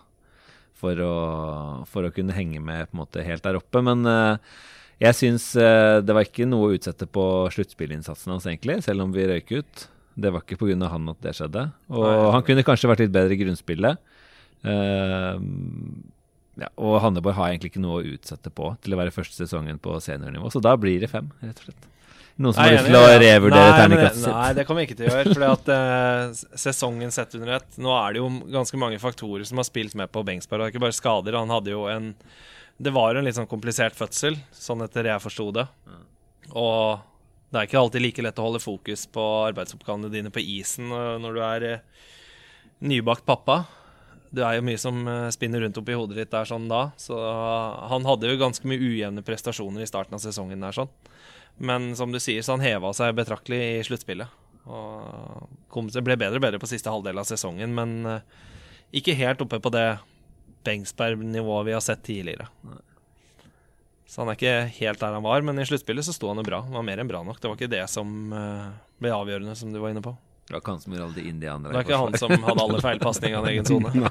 Han var vel en av de få som heva seg i sluttspillet kontra grunnserien. Han lå jo oppe på 95 og redningsprosent der eh, før den kamp fem på hjemmebane her, hvor Lillehammer gikk fra å lede 3-2 til det ble 3-6 der. Og da slapp de vel inn fire som han egentlig ikke kunne gjøre så veldig mye med Nei. i det hele tatt. Og da fikk jo den redningsprosenten en skikkelig knekk. Men han endte jo på over 92 allikevel. Så Og i grunnspillet så hadde han eh, 91,1. Ja, det er jo for så vidt bra tall. Ja. Han, han beviser jo igjen hvorfor han er den gode keeperen han er. At det er konkurranseinstinktet som slår inn når sluttspillet kommer. ikke sant? Det har vi jo sett på han tidligere. Det er jo det som er, eh, i hvert fall slik jeg oppfatter den, veldig styrken hans. En konkurransemenneske ut, helt ut i fingerspissene. Ja. Så øh, ja, jeg ikke syns ikke du er helt bak øh, målet her med terningkast fem, altså. Det var ikke Nesten bare. Det nesten Nei, men eh, vi kan jo si sånn at eh, de, altså de, de to keeperne som har bedre redningsprosent i Get, det er da Henrik Holm uh, i Stavanger, som hadde 92,7, og så var det Steffen Søberg, da, 92,1. Og det, Men da snakker vi om grunnspillet, da. Ja. Så uh, Hva tenker vi om keeperplassen til, til neste sesong, da? Nå er jo Beinsberg han er på utgående kontrakt, og det er jo litt uklart om han blir her, blir her eller ikke. Han, ja, ryktene skal vel uh, ha det til at han, eh, han kanskje har tenkt til å vende, eh, vende snuten hjemover til Sverige med sin nye familiesituasjon, og det, det må man jo i så fall uh, synes er forståelig, det. Så da er jo spørsmålet i så fall om man skal satse på Hanneborg eh, som førstekeeper neste år, eller om man skal eh, Og da, Det som er problemet da med den der eh, nye utlendingskvota, er at da antageligvis, hvis man ikke gjør det, så må man bruke en keeperplass på utlendingen. da Og det kan man kanskje prøvd å fått uh, jukka inn et annet sted. syns jeg. Jeg er litt sånn uh, jeg, jeg, jeg kan godt Jeg kunne godt tenke meg å se Hanneborg som, uh, som førstekeeper, men han er kanskje litt ung ennå. Som, som vi har snakka om tidligere, så er det litt annerledes å være førstekeeper og ha på en måte alt på dine skuldre. Uh, enn å på en måte kunne gjemme seg litt bak som den andre keeper. Da. Ja, altså Uansett, i den alderen han er i, så er det veldig sunt å ha et, en konkurranse mot en annen Ja. keeper. Og Lillehammer har ikke noen keeper bak han som kan være andre keeper, eventuelt komme inn og stå i Gatlingan. Jeg tror ikke at Birk Denstad er klar for det i løpet av en hel sesong. Ung, unge Denstad er ikke helt der ennå, kanskje. Det er nok litt for tidlig, så da må eventuelt Lillehammer ut på markedet og finne en annen norsk keeper, og det er ikke så lett. Det florerer liksom ikke av de. Som eventuelt at ja, du er tiltenkt rollen som å være andre keeper på Lillehammer bak Jørgen. Hvordan ser du på det? Det er ikke så lett, tror jeg. Det var jo sinnssykt fett at uh, Birk Denstad fikk sjansen. Da. Ja, han fikk stått. Det var, ganske bra. Ja, det var skikkelig rått. Nei, jeg tror Det er et veldig godt poeng, Espen. Jeg tror det at eh, det er litt tidlig for, eh, for Hanneborg å være en førstekeeper. Men eh, man måtte ha hatt en konkurransesetting der. Det er på en måte å hente inn en annen en som er omtrent på samme nivå, men som kan akseptere å ha en andre keeperrolle eller være en utfordrer til keeperplassen. da. Eh, og da, den spilleren bør jo være norsk, og hvor finner du den hen? Ja, nei, det er det, er ikke, det er ikke mange av de, altså. Det er liksom sånn Jonas Arntzen. Da har jeg skjønt at det er liksom ikke aktuelt. Et, nei, et, Og- han, er ikke, han har nok ambisjoner om et steg videre uh, i forhold til at om Lillehammer passer inn for han. Og så tror jeg at uh, Men klart da må kanskje begynne å lete i førstedivisjon. Eller hva med han reservekeeperen til Ringerike, han der Fayen Vestavik? ja. Ja. Altså, Da må du rette der. Ikke, Ja. ikke et vondt ord om han, men eh, da må, det er der vi Det er litt sånn å ha Ole to Eskil Simonsen fra Furuset. Altså, det er den der. Ja. Og det, det kan funke veldig bra, det er for alt jeg vet. Men da eh, må du forsterke backoppsetningen ganske kraftig. da må du kraftig. ha noen nye backer inn, for Ja. å være helt dønn ærlig på det. Det Ja. er helt uten tvil. Men uh. Nei, det, det, det, det er et godt poeng, det, altså. Men uh, man, altså, man kunne jo sett for seg sånn som på en måte de har gjort i Sparta, da, med han derre Lillegren. Som også er på en måte ved siden av Hanneborg øh, den andre unge keeperen som har gjort det veldig bra i år, da. Mm. Hvor, øh, hvor egentlig så var det han Samuel Ward som var førstekeeper, øh, men så har de på en måte fasa inn han Lillegren. Nå er det vel egentlig han som er førstekeeperen. Ja, der er vel han Samuel Vard på vei bort. Ja, jeg tror jeg Sannsynligvis. bort, Ja. ja. Men det, det, det jeg mente, var det, i forhold til den der innfasingen, da. Mm. Så Ja, det har jo med Lillehammer kanskje gjort med Jørgen nå, da. I Ja, I en litt eh, sånn light-versjon, kanskje. Skal vi dra et skikkelig eh, kanin ut av hatten og så spå at han der Samuel Ward eh, kommer hit? Og det er keeperduoen vår til høsten? Sitter du på noe Nei, jeg sitter på en rød stol og godt, men eh, ikke noe Så Samuel Ward har lyst til bare å være prøver å sette i gang noen rykter og sånt. Ja, det er jo så kjedelig. Må Nei, men han er, han er, han er bra keeper, så det Han, eh, du, forresten, han, eh, han uh, Larivé på Storhamar skulle vel hit? Skal de ikke det? Jo, han er klar. Han er klar. Han er klar. Pål Johnsen også. Kål også come- comeback. Ja, det er jo Han skal være andrekeeper. Head coach Da sammen med Rune da. Men vi kan jo Men det er demokratiet bestemmer, så det blir en firer på keeperen denne sesongen her. Valseth. 4,25 blir vel egentlig av den Nei, så vidt jeg har aldri sett en terning med 0,25, dessverre. Det måtte være en sånn rollespillgreier, men det har ikke jeg drevet med. Så jeg veit ikke. Nei, litt av det, tror jeg. Fire. Nei, det, det, jeg, jeg kan være med på den, jeg, altså. Du må nesten det. Ellers er døra der. Det er klassisk demokrati, da. Du må det. Hvis vi ser på bekkene, da, så var jo Lillehammer forrige sesong et lag hvor, eh, som slapp inn mye mindre mål enn i hvert fall jeg forventa. Og, og mange bekkene tok et steg i riktig retning. I år har det jo rent inn litt vel mye i perioder. Ikke at det bare er bekkene sin skyld, men uh, ja, jeg evner i hvert fall på en treer i ternekast der, så får dere si hva dere hva dere Hva begrunner du treeren din med, Boje? Vi, vi kan kaste alle sammen først, kanskje. Jeg Det er ikke noe å kaste. Den plasserer den på tre sjøl, ja, altså. Jeg er også på tre. Ja, da, da henger jeg på den treeren. Det er ikke noe, det er i hvert fall ikke noe høyere enn tre. Nei, det er det. Nei, jeg skal ikke være for kritiske, men eh, det er, det er noe forbedringspotensial. Ja. Nei, ut fra min del, sånn jeg, hvorfor jeg plasserer den sånn, at det så mye mer lovende ut. Det var en periode i sesongen det så mye mer lovende ut, hvor Lillehammer slapp inn vesentlig færre mål.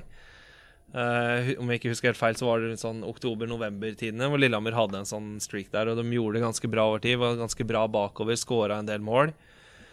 Men etter jul så syns jeg det har gått gradvis nedover i prestasjonene og blitt dårligere og dårligere backspill på Lillehammer. Og spesielt i fasen hvor de skal spille seg ut av egen sone, så er det altfor mye paniske løsninger. Vant ut, vippepucker ut av sona.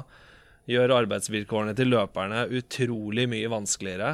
Eller bare spille pucken rett inn i slottet. Ja, det, det har vært mye blindpass, backhand-pass inn i slottet, tvers over egen sone og sånn. Det har vært jeg syns det har vært altfor mye av det, i hvert fall siste halvdel av sesongen, å dra med seg det der inn i sluttspillet også. Uh, så har du jo hatt Nei, jeg veit ikke hvem jeg skal, jeg skal trekke fram. Hvis vi ser på selve backup-setninga, så er det jo temmelig lik hva vi hadde forrige sesong. da Vi mista Patrick Gulliksen, som var en gigant Ja. for Lillehammer da, og så har vi fått inn Adrian Saksrud Danielsen. Og så har jo Jonas Medby fått litt mer spilletid enn det han fikk i fjor. Men det er jo stort sett de samme Samme spillerne, egentlig. Men det må jo være lov å si at eh, en god del av de kanskje har stagnert litt. Ja, det så, sånn som for eh, Ta en som Christian Fosse, da. Han starta jo sesongen ganske bra. Og ble jo til og med belønna med et landslagsuttak der, sånn. Og gjorde det veldig bra. Men hva som har skjedd med Christian på slutten av sesongen, veit jeg ikke. For han var ikke i nærheten av sine tidligere prestasjoner i sesongen. Og Sodski Han hadde jeg forventa litt mer av den sesongen her, sånn. Han hadde tatt ja, de to foregående sesongene før der, så syns jeg at han har blitt bedre og bedre. Men nå, den sesongen her sånn, så har han stått litt sånn på stedet hvil. Uh, føler Ja, jeg på hele slutten av veien. sesongen så fikk han jo ikke spille. Nei, da, da fikk han jo ikke tillit i det hele tatt. da Om det, Hvor mye har det å si for Fosse i tillegg, liksom? For det, er, det henger jo sammen, det der. Du må ha en kjemi med backpartneren din. Så det er nok mye som- som henger sammen der, og det har vært rullert litt grann rundt der og sånn òg, så det er jo åpenbart at Lillehammer har ikke noe Den sesongen har ikke tyda på at Lillehammer har hatt noen klare backpar som har vært de beste backparene hele tida, da. Vi har jo hatt Sondre Bjerke og Adrian Saksrud Andersen har jo spilt sammen stort sett hele veien, og det har- må jo kunne sies å ha vært det beste. backparet. Det har vært det beste backparet sånn sett, men uh, bak det så har det vært veldig mye rulleringer på Mm. backparene. Sånn som Medby og Bakken, plutselig så var de Nei, Bakken og Ellis var plutselig et uh, backpar der en liten st en stund. De var jo det lenge i hele fjor også. Og så var det plutselig Medby og Ellis som var inne der som backpar. Så det Bakken ble og Fosse. Ja, Bakken og Fosse. Så det ble, det ble veldig mye rart der i sluttspillet, altså. Ja, altså det er lett å si noe etterpå, men jeg tenker at det er en del av den suksessen som var forrige sesong, den det er vanskelig å knytte den opp mot enkeltpersoner, men Patrick Gulliksen er en spiller jeg har savna den sesongen der. Det defensive stabiliteten, eh, måte mulig å spille alle situasjoner, tåler mye istid, gjør få feil og er tøff i nærkamper. Sånn type spiller, det finner du ikke hver dag. Så Det er litt vanskelig å si at akkurat det er nøkkelen til at, ting er forskjellig. Men han gjorde iallfall en jobb i fjor som jeg tror var ganske betydningsfull for laget. Det er det å komme opp som back og skape litt uroligheter og komme kanskje inn i et overtall inn i motstanders sone med fart, sånn som Patrick ofte gjorde. Det er eh, ikke noe stygt ord om bakken, men det er litt Det gikk litt fortere for seg når Patrick kom bærende på pucken der sånn, og med innsatsviljen. Eller hvis bakken plutselig står med det ansvaret for at alle løperne har markert, så han må bære pucken opp. Mm. Så det blir jo en en arbeidsoppgave som Bakken ikke ser så veldig komfortabel ut med. da. Og så er det en, en annet poeng, og det er i, i spesielt i fjor så bruktes Patrick Gulliksen da eh, stort sett hele tida i når vi hadde overtid. Mm. I den treeroppsetninga overtid så var det han og eh, Morley eller Vischer Cameron. Og det er klart at eh, en sånn back med de skøyteegenskapene han har i overtid For vi har ikke vært like gode i overtid i den sesongen her som vi var i forrige sesong. Og spesielt inn mot sluttspill er det en vesentlig faktor, det å kunne ta overtid. Selv om det er fem mot fem i, i sluttspillet, så er det å kunne komme med en tro på at du er god i overtid. Og det er sånn helt som jeg har lagt merke til, at han ble brukt veldig mye der. Og det funka veldig bra, for han er rask og god med puckene, gjør få feil og kan Jeg tror han eh, Ja, han er litt sånn Jeg sammenligner ofte litt han litt med sånn som Jimmy Andersson i Storhamar her. Som er en sånn spiller som ikke synes så veldig mye, men når han ikke er der, så synes det veldig at han ikke er der. Og det balanserer laget, gjør at ting fungerer veldig godt sammen. At det blir en balanse og en struktur i det. Så, ja. Ja. Det var altså, Før fjorårssesongen så var det jo Forsvaret som alle på en måte stiller spørsmålstegn ved. da. Det, man visste jo på en måte hva man fikk, at eh, det var den superrekka med Warley, Vigier og Cameron. Og det var liksom eh, Det var bankers eh, eh, angrep. Forsvaret var liksom der hvor det skorta, og alle liksom stilte spørsmålstegn før fjorårssesongen. da. Eh, men så ble jo det gjort til skamme og var jo superforsvar i fjor. Eh, så før den sesongen her Jeg hørte faktisk gjennom den første Nei, var den første? Ja, det vet ikke en av de første episodene våre. Og da sa vi at Forsvaret det var den eh, lagdelen vi følte oss tryggest på før den sesongen her. Ja, men da var det jo en del eh, usikkerhetsmomenter med, Med løperne. med løperne som vi ikke hadde og sett. Ja, nei, men eh, det var å sette det litt i perspektiv, da. ja, ja. At, uh, og, så, og så fikk vi kanskje i år det forsvaret at man trodde man kom til å få i fjor, på en måte. da Ja. Så, Nei, da blir det mye Altså skifta jo nesten ikke ut spillere i defensive rekka, så man forventa jo at det som var prestert i fjor, hvor da enten noen overpresterte eller hadde en utvikling som var raskere enn det som kanskje normalt er. Eh, eller bare at det fungerte bra. Jeg vet ikke hva det er for noe, men vi hadde jo trua på at eh, lite utskiftninger da skulle føre til at eh, at de ville være like bra i år denne sesongen. her da. Fordi, altså, vi, vi bytta ut Ulriksen med Adrian Saksrud Danielsen, og, og Adrian Saksrud Danielsen han var jo, var jo vår beste back kanskje i, i grunnspillet, i hvert fall. Uh, I hvert fall én av de, da. Uh, så man skulle jo kanskje tro at uh... Det jeg liksom forventa med Adrian Saksrud Danielsen, var jo ikke at han skulle på en måte være en erstatter for Ulriksen, da, men at han skulle være en sånn powerplay-back som skulle styre overtallet til Lillehammer. Og om ikke snittet på poeng per kamp, så i hvert fall ligge oppe på 0,7-0,8 poeng i snitt. da. Men det endte jo egentlig med at han ble tatt av powerplay etter hvert, og Bjerke kom inn i stedet for han, fordi det, det fungerte ikke optimalt. da. Men sånn, sånn defensivt syns jeg Adrian Saksud Danielsen har vært eh, helt ålreit. Liksom. Han spiller fysisk, og pluss-minus-statistikken hans i grunnserien er jo best av alle bekkene. Men mm. jeg hadde forventa meg mye mer av han offensivt, ikke bare i powerplay, da, men som en spillende back i oppspillsfasen og sånn. da, Og der føler jeg at uh, ikke han har levert helt. Mm. For der har jo Lillehammer har ikke veldig mange gode spillende bekkene fra før. Og det syns jeg har blitt litt synlig sesongen her, da. Ja, Hvis vi skal trekke fram den mest positive bekken for min del, så er det Brennan Ellis. Men han uh, Det var litt ganske lik som den fjorårssesongen hans. Også med at han, han starter Han er en fryktelig slow starter, for i september-oktober så så da er det mye rart. Han imponerer ikke alltid. Nei, han imponerer ikke alltid der da. Da går det liksom Han er jo ikke verdens raskeste skøyteløper, det veit jo alle, men ja, da er det noe Han er for sein inn i hver situasjon, det er en del feilpasninger, altså litt unødvendige utvisninger og hele pakka. Og så begynner han gradvis å bygge seg opp, og etter jul så syns jeg Brennan Ellis har vært en solid back for Lillehammer, og i sluttspillet så er han jo enormt bra for Lillehammer. Han er den bekken han er. Han kommer aldri til han, det er ikke, sånn- han kommer ikke tilbake nå i august heller og er et fartsmonster på isen her. Han er en solid defensiv back, og da tror jeg at han trenger en backpartner som kan ta litt mer av den offensive er helt riktig. Og Selv om han liksom er en defensiv back, så er han den bekken som hadde mest poeng av alle i, grunn- Ja. i grunnserien. Han hadde 31 poeng. Og det Det er powerplay. Jo, Ja men, da. men det er men, bra. Men det er jo Det grunnen til er- at han spiller powerplay, som han ja. egentlig kanskje ikke burde ha spilt så mye powerplay. Nei, altså det burde, burde helt klart hatt en offensiv back der med litt mer eh, Litt mer rendyrka offensive egenskaper, da. Sånn som vi kanskje trodde og håpet at Adrian Sakse Danielsen skulle være. Mm. Eh, for han har jo bevisst det tidligere, spesielt i sesongen i Stjernen, at han har noe i seg, han også. Ja. Sånn at det, det er på en måte mm, Det var det vi hadde håpa på. Men Sakser syns jeg også har blitt gradvis bedre og bedre. Så det, forhåpentligvis så leverer han eh, bra fra første stund neste sesong òg, for det, tror jeg Lillehammer kommer til å trenge. Og Lillehammer trenger sårt forsterkninger på backsida. Ja, så når vi satt der inn mot sluttspillet her, så sa jeg Storhamar selvfølgelig da plukker opp han Kurt Davis. Ja. Det er han bekken Lillehammer skulle hatt. Ja. Han, er, han er rimelig Han kan spille puck, for å si det sånn. Det er akkurat det. Du trenger en som har Kyland bak der på godt norsk, og kan spille puckene ut av sona, som ikke er vant ut, eller en vipp ut i midtsona. Ja, for det var veldig mye turnovers og mist av puck i egen sone på vei ut av sone. Når du blir fanga i den gang på gang på gang, så blir det tungt. Spesielt i sluttspillet Altså, var det det var helt, Den ene kampen der, da holdt jeg på å grave meg ned i rundvannet der. Altså, det var helt Det var forferdelig fram med trykkluftbor og bor. Ja, borre Som seg ned i reservekeeperen på U21 Storhamar Det, der. det, det, var, eh, det var en av backene som hadde tre turnover i samme bytte. Ja. Og da tenker jeg bare Da Ja. Da blir det trått.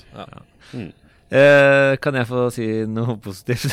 ja, det, det, det positive jeg vil uh, ta med meg fra uh, den sesongen her på backsida, det er Bakken med sine 750 matcher for Lillehammer. Det syns jeg det står veldig respekt av. Og Han er ikke det nå, han er ikke noen flashy back, og han er ikke lenger den beste backen heller. Men du veit iallfall hva du får, da. Han gjør en god jobb. Og det har du ikke visst av alle de andre bare har fått alltid. Men Bakken han eh, eh, gjør det han skal, og det har han alltid gjort helt siden han var liten. Sånn at eh, Nei.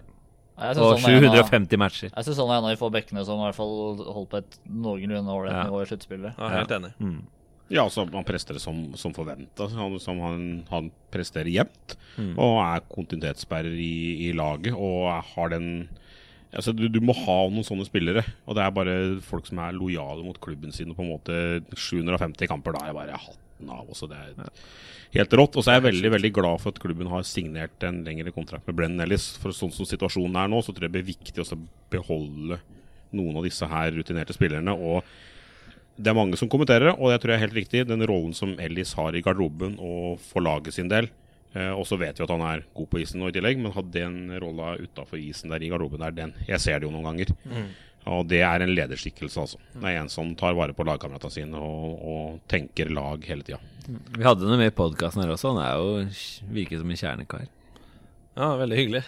Så hyggelige folk, det vil vi ha. Og så vil vi Ja. ha stabile folk. Ja, ja, sånn, De kan være så utrivelige de vil, så lenge de presterer gjør jobben sin for Lillehammer. Det er ikke sånn. Ja, det kan være helt Pål Johnsen heller. ja, altså, jeg mener altså, Uansett av én spiller da som har fått egen sang på Hamar de siste åra, da signerer han på livstidskontrakt. Og han og Timo i backpar. Men sesongen her da, så var det én importplass som ble brukt på backsida Ellis, og det, han blir jo her til høsten òg, så da blir det jo minst det samme nå. Og så, ja, det blir jo en importplass mindre, selvfølgelig, da, på, siden kvota kuttes. Burde, burde, burde det være to, eller, eller hente inn en importback til, da, tenker vi, eller? Eh, Det må være to.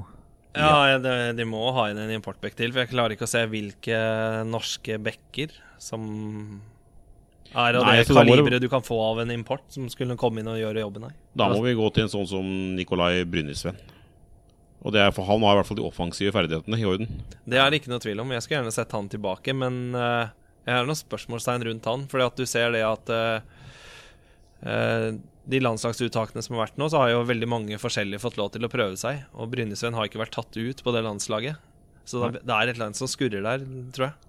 Jo da, det det er jo Det kan godt hende det er noe et eller annet der.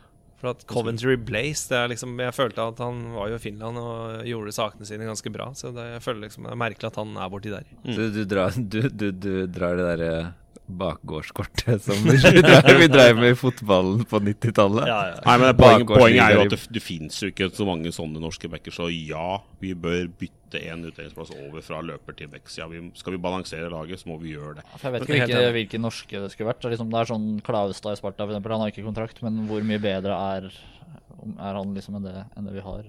Nei, men så er jo ikke han den back-typen Lillehammer trenger heller. Lillehammer trenger en type sånn quarterback som kan ta ansvar bak der. Puckfordeling. Være en tydelig figur ute på isen der sånn. Og ha en stor innflytelse på den offensive delen av spillet. Kanskje Mats Trygg er på utgående i Vålerenga. Vi kan få korttidsplass bort på helsehuset her. ja ja, tilbud der. Kontrakt.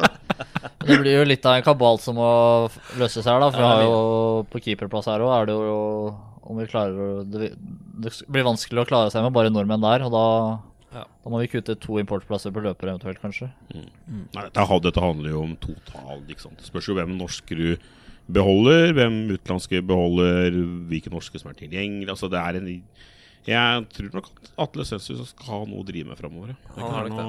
Ikke Men det var jo hyggelig å høre at han eh, hadde noen uh, norske som ikke var en del av Lillehammer fra før, som var eh, som sto på lista der, sånn. Som var interesserte, og som var mulige. Ja. Og ikke minst hyggelig at, at han tenker i retning av at han skal ha spillere som nå er villige til å gi 100 det, det, er altså ikke, ikke så vondt ord som mange her, men, altså, men altså, vi, vi må ha de spillertypene der som gir 100 De som Ja, er blokker og gjør hva som helst for å vinne kamper. Jeg skal ikke nevne navn, men jeg føler også at i dagens tropp så er det noen flere som ikke har ligget helt på 100% hele sesongen her. Og så jeg, jeg, må, jeg vil gjerne ha flere fysiske spillere, jeg også. Jeg syns fortsatt vi kan godt hive på noe mer køl. Altså. Spille mer fysisk hockey. La det gå for seg litt. Det er hockey, det er curling halve sida for de som vil drive der. Nei, men eh, vi må Skal vi si noen ord om eh, de to yngste uh, fastspillende bekkene på laget vårt? Jonas Medby og Sondre Bjerke. Det er vel de to eneste vi ikke har nevnt. Nei, Sondre Bjerke syns jeg har vært tatt mm, Han har jo tatt et steg i riktig retning, må det være lov å si. Han har jo kommet inn i landslagsdiskusjonen. Og Ja. jeg syns han har en positiv og offensiv spillestil. Prøver, på, prøver å spille hockey. Ikke mye vant ut og glass ut, men spille hockey på den riktige måten, da. Men han har jo, blir jo litt eh, Virker som han spiller av litt for høy selvtillit, egentlig, i enkelte situasjoner. Det blir litt høy risiko noen ganger. Ja. Ja. Så Ja, det, er jeg, det er jeg helt enig i, og det, det så man litt i, eh, i, eh, i sluttspillet også, at det var ikke alle byttene hans eh, han selv var like fornøyd med der heller, tror jeg. Så det ble litt, eh, litt mye feilpass enkelte ganger der, kanskje. Men han har ennå trua på at det kommer til å bli en Ja. veldig bra back. Ja, Han, han har alle egenskapene Han som skal til for å, for å bli en skikkelig bra back. Ja, ja. Ja, jeg syns han er på god vei til å bli en veldig bra seniorback. Eh, er en av de som er viktig å beholde. mm, absolutt. Han er fortsatt ung, men han er jo, begynner å bli ganske sånn rutinert. Han har vært med lenge nå. Mm. Og det er jo ikke sånn at de unggutta liksom At progresjonen går liksom en rett strekk oppover alt heller. det. Og han har Nei, måte tatt litt, litt støpp fram og litt fram og tilbake. Han har jo, men allikevel, han har kommet seg inn i landslagsdiskusjonen og begynt å spille Powerplay og produsere der òg, så han har hatt, gjort mye bra denne sesongen her. Han også. Enig. Og eh, Jonas Medby han spilte jo nesten ikke veldig masse sånn eh, i begynnelsen, men eh, han fikk jo mer og mer tid etter hvert eh, når, eh, når det var enkelte andre som ikke fikk spille utover. Jeg vet ikke, jeg syns han tok litt steg, han også, men det er litt sånn der halvskummelt når han er utover. Jeg får litt sånn hjerte i halsen.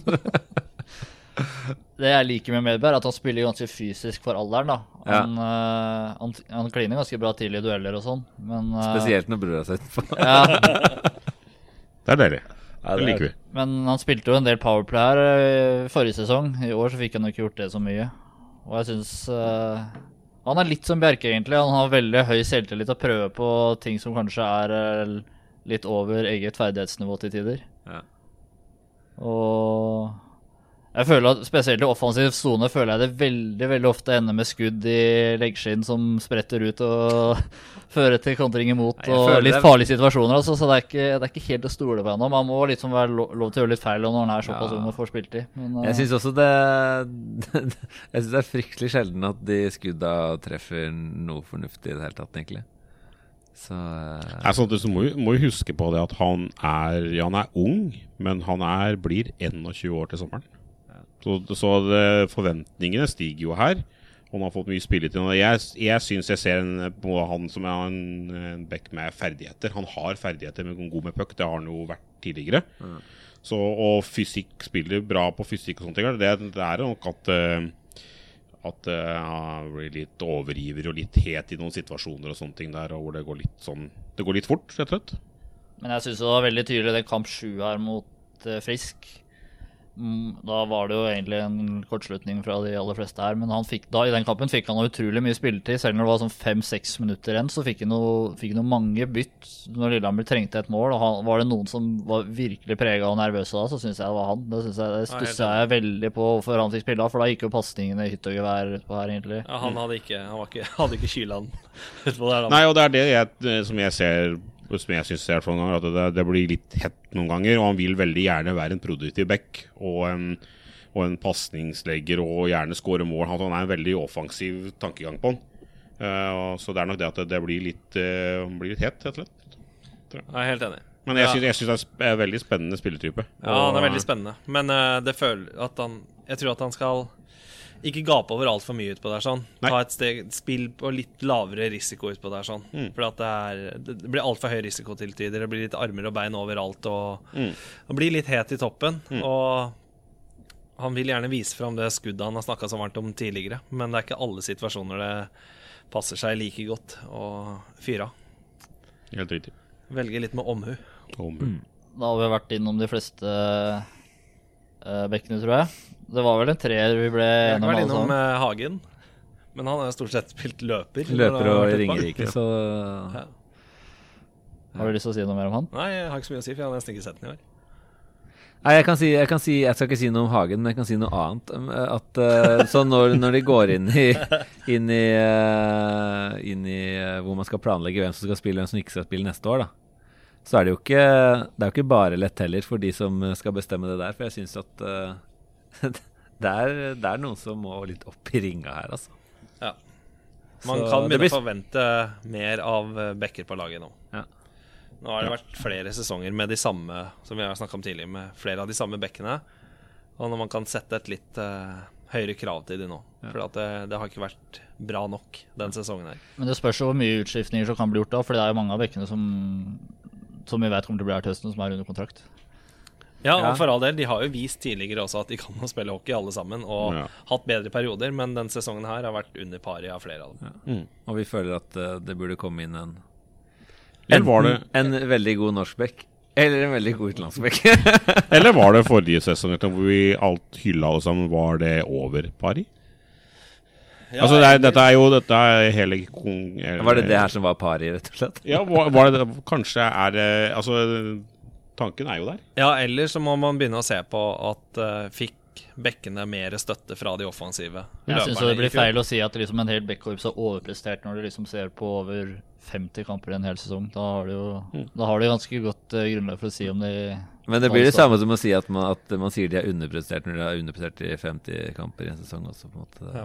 Ja. Det er vanskelig. Det, det, det må nok uh, være en inn der, men eh, det Ja, det henger jo, henger jo sammen som Espen sier, at det henger jo sammen med, med løpere foran. Det henger sammen med keepere bak. Det, altså Alt henger jo sammen på en eller annen måte. Ja. Så det er jo eh, Ja, det, er nok eh, en kompleks greie. Men nå sa jo Atle at vi sikkert kom, kanskje kommer til å stifte mer bekjentskap med Sverre Rønningen Ja. til høsten. Han er diger, ass. Han er diger! Hvor høy er han? eller? Han er i hvert fall- 2,40 eller noe?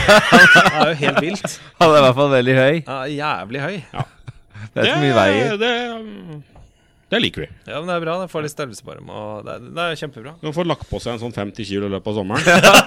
Bare muskler. Minner meg litt om en der eh, sånn skihopper. Andreas, Andreas Wank. Florian Liegel han var sånn 210 og 65 kilo, liksom.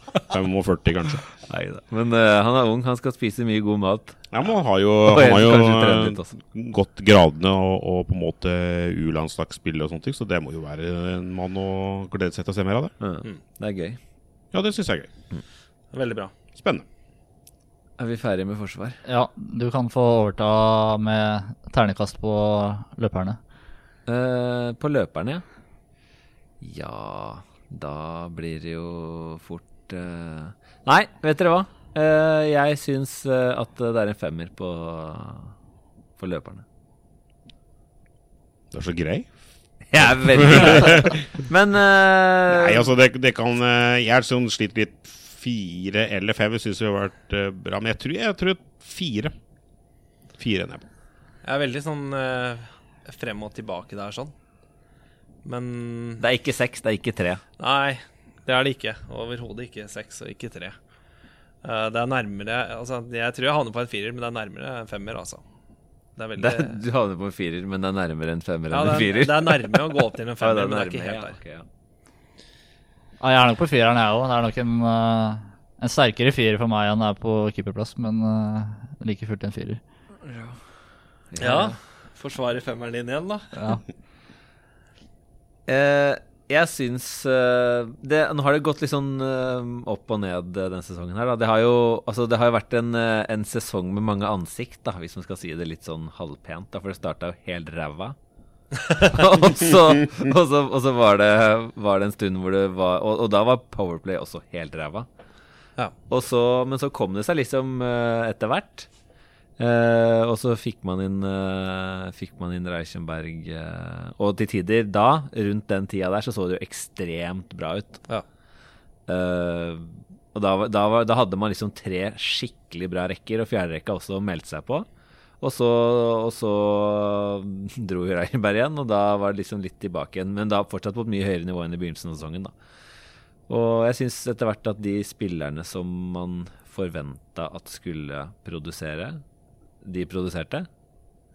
Og mange av spillerne som man tenkte skulle være bak, bak liksom de åpenbare importene, da. Eh, sånn som Jakob Lundell Nord og, og Kaltrud Nystuen, eh, eksempel. De, eh, de syns jeg egentlig tok, tok fine steg, de også. Nå ble jo Nord ganske mye borte med, med skader og jernrystel og sånn, men de, de syns jeg egentlig også gjorde bedre kanskje enn jeg hadde forventa. Og så syns jeg at, eh, at de fjerderekke-grinderne våre, de syns jeg også også var veldig bra til tider. De har en litt annen rolle som, som ikke går på en måte nødvendigvis på produksjon. Men uh, jeg skjønner ikke jeg, jeg, jeg klarer ikke helt å finne hva jeg skulle hva jeg skulle gjøre for å få det ned på en firer. Altså. Men, uh, men nå, nå, nå på slutten av sesongen ble det jo rokert om fryktelig mye på rekkene. Da. Så de rekkene man på en måte var vant med å se, og man syns liksom gjorde det kjempebra, de fikk man sånn som for, for eksempel Kangelosi Ellingsen Nystuen. De fikk man jo ikke se i det hele tatt, liksom f.eks. i sluttspill og mot slutten av sesongen. Det skjønner jeg ingenting av, egentlig. Eh, og, og, og Bowles Nord og, og Bennick også, som Det var kanskje, kanskje litt, for, litt for offensiv akkurat den, da, men de også gjorde det jo fryktelig bra en stund der. Eh, og, og førsterekka gjorde det bra. Eh, veldig bra.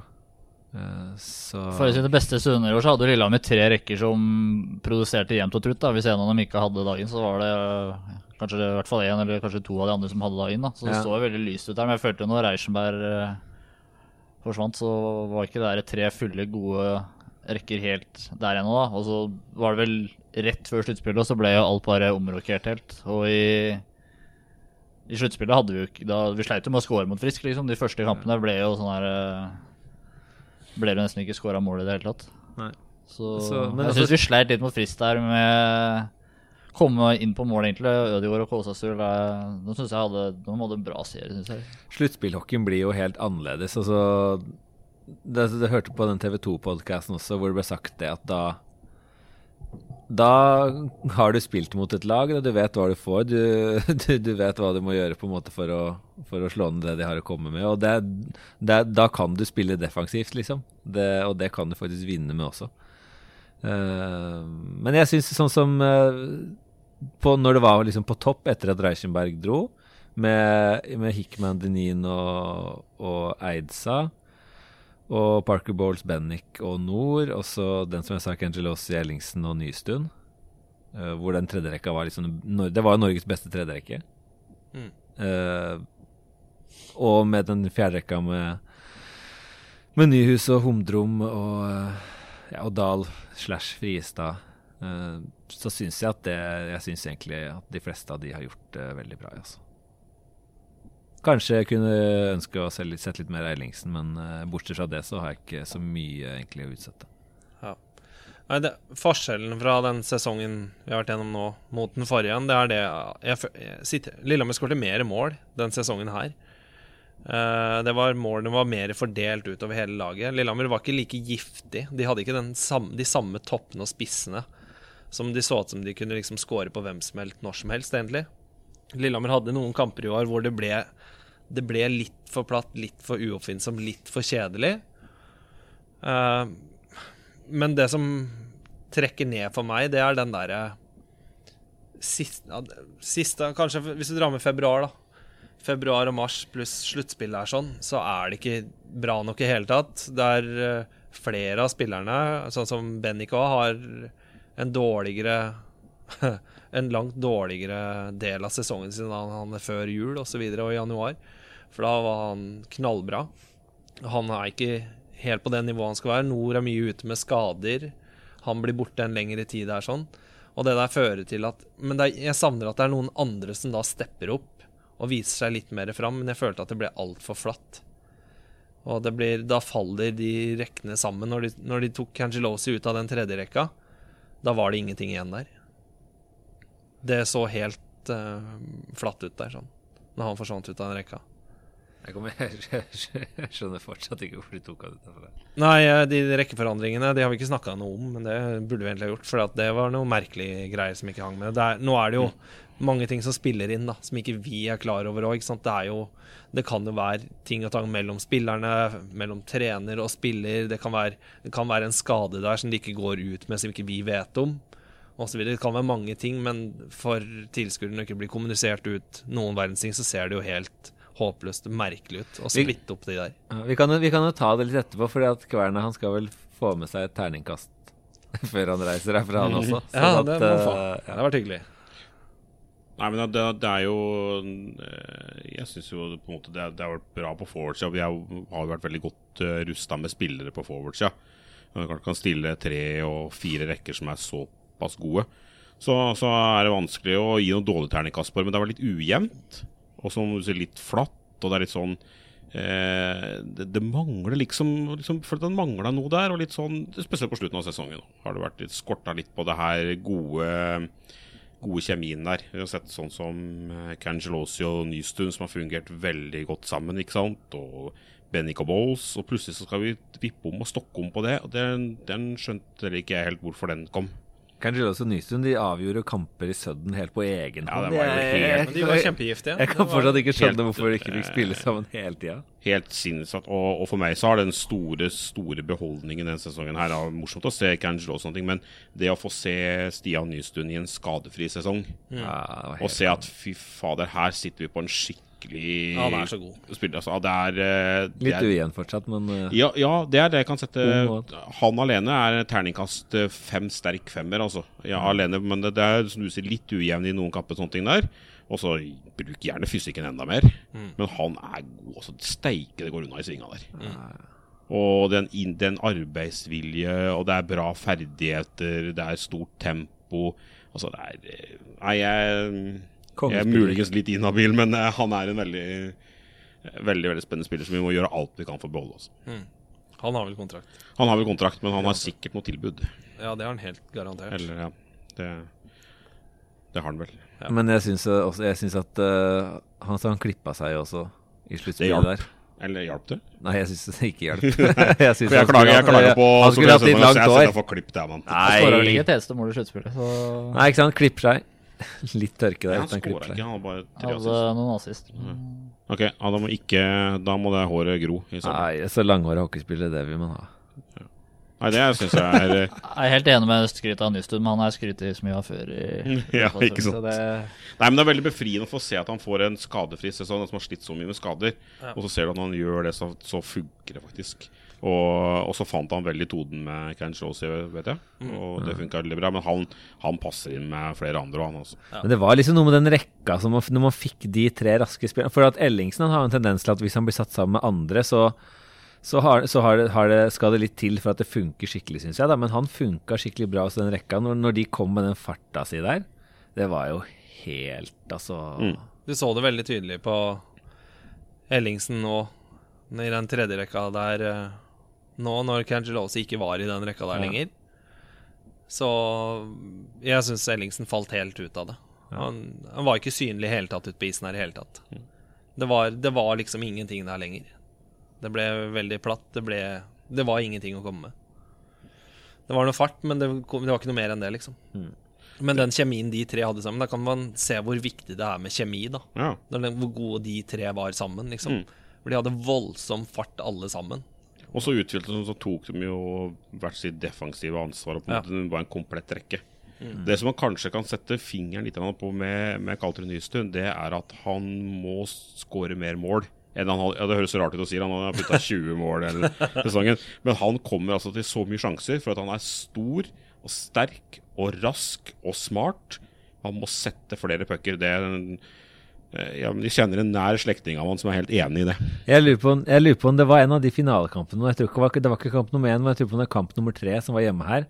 Hvor han hadde så mange styringer og sjanser til å score at det var helt utrolig at han ikke satt, satt et Noe par er selvfølgelig litt utur og veldig god friskkeeper, men samtidig han, eh, Ja, det er selvfølgelig, men eh, ja. Nei, han kan, kan nok Kan nok score litt mer, men det er klart, da Da blir de ikke her lenger. Da blir det- ikke Da, da forsvinner den ganske fort. Nei, men altså Det er utrolig spennende, spennende spilltype. Kangelose er jo en av de som vi vet ikke kommer til å være her til høsten. Han, eh, I en av episodene vi hadde med Vegard Ølstad her, så prater vi på å sende til Gjøvik. Ja, det var jeg som sa det. Ja, du som skulle sende til Gjøvik. det. Jeg sier mye dumt, men det var Nå kanskje noe, det, var noe av det dummeste jeg har sagt. Nei, du, ikke, på, ikke på det tidspunktet. På det Nei, tidspunktet da, så da, var, det, var, det var helt var natta. Hadde jeg blitt med på en splay, se på bussbilletten til Gjøvik. Da hadde jeg blitt med. jeg. Ja. Nei, En liten sånn helgetur på Gjøvik. Nå blir det Odell istedenfor, så det blir del isteden. Så- Ja, det blir mye det samme. Nei, men det blir litt sånn Hoff, poteter og Det blir mye det samme. Han sleit forferdelig i begynnelsen av sesongen. da. Det så jo ikke bra ut.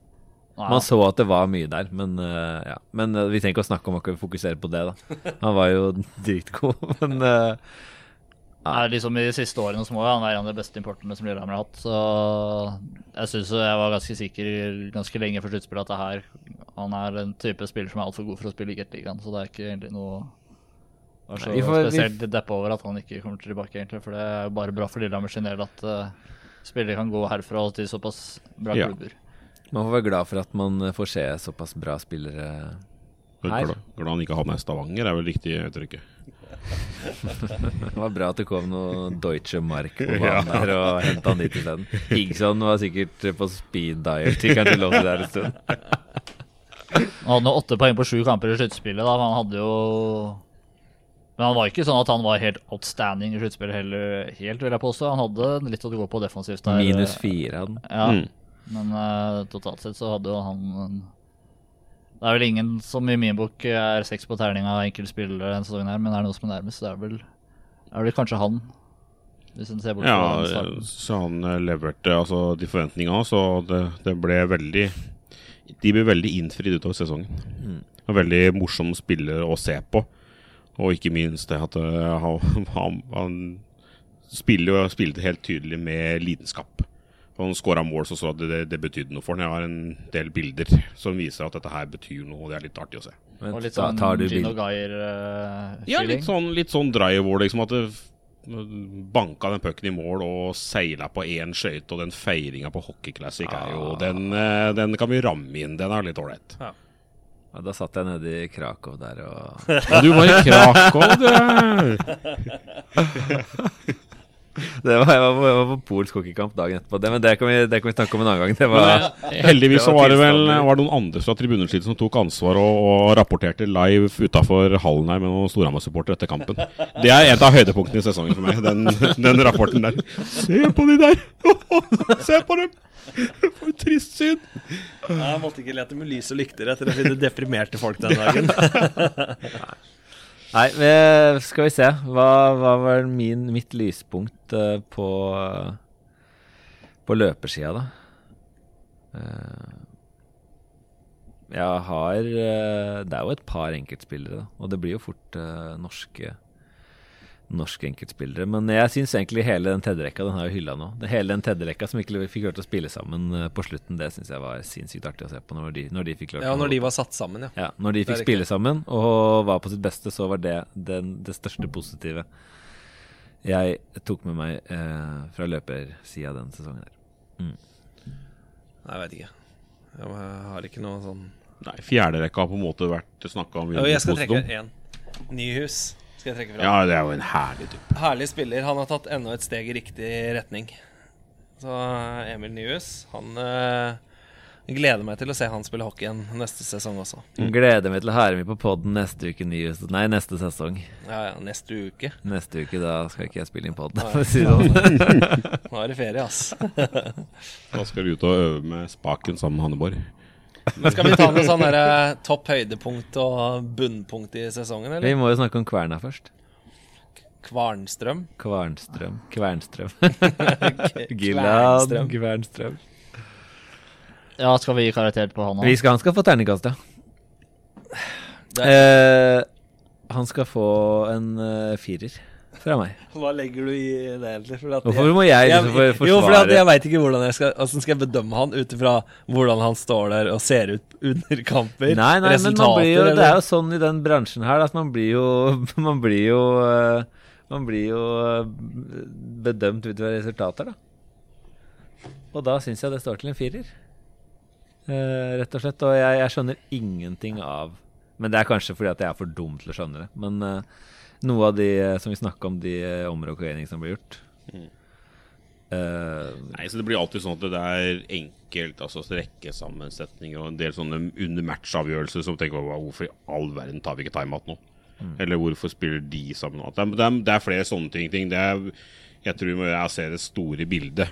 Og det han og stort sett Atle Stensrud har gjort de siste åra, det det er eh, tett oppunder terningkast seks for meg. Altså den ja, ja, som har vært der. sånn totalt, så. Ja, utvikleren som har vært der. Så, sånn at eh, det å stå og spille NM-finale forrige sesong det var det, Man kan si mye om at eh, Gateligaen kanskje var noe svakere. Men vi hadde tur litt forrige sesong med litt svakere lag og sånne ting. Men det på en måte den Å komme dit allikevel. Ja, det var bygge lag Etter den første, den første sesongen med Garnstrøm var jo total krise. Det var jo helt natta. Og de har klart å jobbe seg og holde seg og på en måte holde trua oppe. Jobbe gjennom det. Eh, Nei, jeg syns han er eh, Han fortjener mye skryt for den eh, jobben han har gjort. Ja, jeg syns det er vanskelig å rulle terning på han, men jeg tror at det kanskje kan være sunt med et trenerskifte i Lillehammer nå. Hvis du ser Sånn som jeg ser det, da. Utviklingen fra det laget som var her i forrige sesong, mot den som var denne sesongen her, sånn. Mye av de samme spillerne. Så savner jeg større utvikling, spesielt blant de unge der, sånn. For der har det ikke skjedd så veldig mye, føler jeg. Det har stått litt sånn på stedet hvil, og da Det er ikke at det at Kvarnstrøm ikke har gjort noe god jobb på det, men det kan være fint for de å få inn nye impulser og noen nye ting å komme med. Noen som går inn i en ny sesong nå. Så at det kommer inn en ny trener da, får litt ny giv, kjemper seg til en ny plass. Han vil jo se på dem med, med blanke kort alle sammen. Så det, for han så er det ikke noe åpenbare backpar eller noen ting der sånn. Han vil jo selvfølgelig få Jeg vet jo hvordan det var her sesongen som var nå osv. Hva slags spilletyper det er. Han ser på video hele pakka, snakker med Atle og alle andre rundt. Men han vil jo sette opp det her på sin egen måte og finne kjemi mellom spillerne. og Nei, Det er veldig spennende når det kommer inn en ny trener. Men hvis jeg gir inn et terningkast på Karlstrøm, så Si Ja, for den sesongen her, da. Ikke Ja, totalt. ja, nei, på den sesongen her, så da gir han en uh, Herregud, skal jeg Tre-fire. Vanskelig å si. Gi en treer. Savna noen timeouter og sånn der, jeg òg. Ja, hvis, jeg tenker Hvis man isolert sett skal gi en karakter basert på hvilke resultater Lillehammer fikk i år, da, som er jo er fjerdeplass og exit i kvartfinalen, så syns jeg jeg står til en treer. da. Men den trenerjobben den består jo i det er liksom, Du kan ikke bare se på resultatene. ikke? Alt det han gjør rundt. Han er jo Det er han som er hovedansvarlig for scouting og har fått inn mange av de importene hvor det var vel ja, fire, Av de fire øverste på poenglista i grunnserien er jo importer som han har sett på video og henta inn, egentlig. Og Ja, for å si det sånn, det, da. det blir spennende å se hvordan Lillehammer klarer å treffe på de importene framover, tenker jeg, da, når han ikke er her lenger. For da, det En av styrkene hans var jo liksom der å bruke de mye tid på video og være god på Han traff veldig ofte på de importene som har kommet til Lillehammer. da, Det har han en stor rolle i. Ja. Så Man kan si sånn, altså Det snakkes jo veldig mye om Stavanger Oilers, og at de er det eneste laget som har en heltidsansatt uh, uh, Altså kanskje ikke heltidsansatt, men som, uh, men som har eh, en sportssjef som reiser aktivt rundt og ser på spillere og scouter på plass. da. Men det var jo ingen spillere på Stavanger, verken importere eller norske, som fikk mer poeng enn de som fikk mest, mest poeng på Lillehammer. da, sånn at han har jo åpenbart altså, Og det er jo Kvernstrøm som Eller Kvarnstrøm som, uh, som fikser det der med spillere med video og alt det der. Så han har jo åpenbart gjort uh, er veldig god på det. Har, altså Totalt sett, misforstå meg rett, så står det jo selvfølgelig til en sekser det han har gjort i Lillehammer. Det er jo Ta for eksempel Kangelose, da. Det sa jo det sa jo Atle når han var i starten av sesongen, at det var en, en mann som Kvernstrøm hadde funnet på video. liksom, og Det var, det var han, liksom, det var førstebrev for Mikael Aare å få inn han. liksom. Og det, Ja, han hadde jo sittet og sett på en annen spiller, og så plutselig så har han Ja. merke til han andre som fløy rundt på der, som så ganske bra ut. bajasen der som vant alle droppene. Jo, for det er sjukt, den droppstatistikken. Er helt hinsig. Jeg var på, på 70 en sånn ting i sluttspillet nå, tror jeg. Og endte på 68 eller noe sånt der. Artig du skal si det, for det har dere hatt opp her. Ja. 66,7.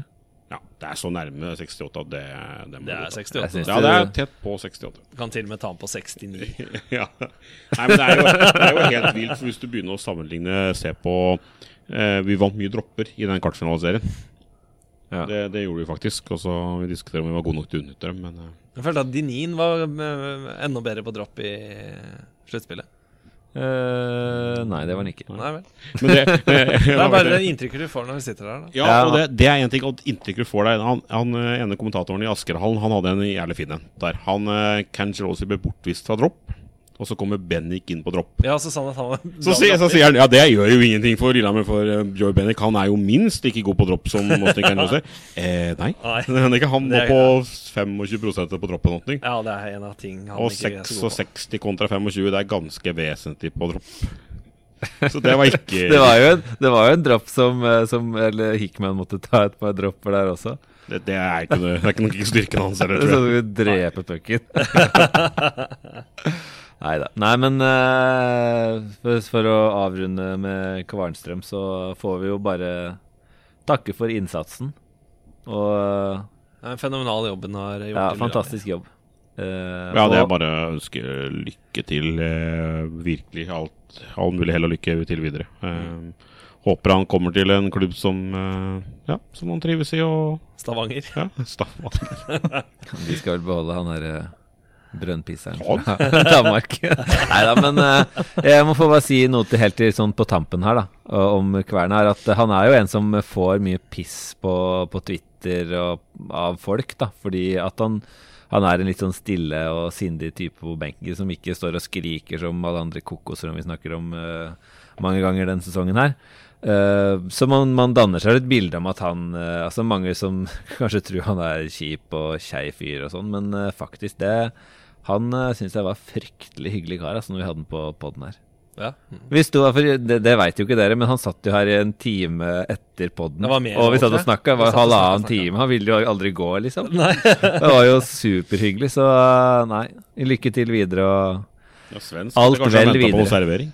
Hæ? Ja, svensk det kanskje ha venter på servering. Bare, hvor blir det av Hvor blir det av. Hvor lenge måtte jeg sitte her? Hvor blir det av kanelgif- kanelgiflerne? Nei da. Nei, men han var en veldig hyggelig kar som vi unner alt godt videre. Ja. Eh, med mindre han tar over Storhamar, da. Ja, det, der går linja, selvfølgelig. Men det kommer aldri til å skje. Nei, det Vi nærmer oss to timer. Vi er på 1,50 nå. Skal vi strekke den til to timer, da, siden det er den siste? Ja, to timer. Trekke fram noen uh, høydepunkter og dårlig. Det er Jeg kan starte. Uh. Eh, jeg har tre ting jeg vil trekke fram som jeg kommer til å huske fra sesongen. her sånn Kronologisk rekkefølge. Nummer én på første istreninga. Straffa til Austin Cangelosi, noen som husker den? Jeg husker den. Han kommer inn fra venstre, Ja, vi- vipper opp ja. pucken, spinner ut og slår den på tennis i mål. stemmer, det. Det er helt vanvittig straffe. uh, nummer to ja, Det blir Cangelosi igjen. Uh, den feiringa han hadde i Hockey Classic, når han scora der sånn. Mm. For han, har, så han sier jo sjøl at han aldri har vært noen sånn big celebration guy. Men der sånn så mista han helt fatninga. Ja, der, der er han hjertet i den, altså. Ja, det var så deilig Det å se. Det var så mye følelser i den eh, feiringa der. Mm. Og så er det ett mål jeg husker fryktelig godt. Det er Joey Bennick står helt oppe i rundvantet og bare legger et blindpass bak seg. Men det er ikke et blindpass hvor Bowles bare kommer og bare panker rett inn på one-timer der sånn. Var ikke det Bowles som sendte den pasningen, egentlig? Nei, jeg mente at det var Bennick som sendte den på backhand inn foran. Den der eh, hvor han snurrer rundt og så sender, det var Bowles.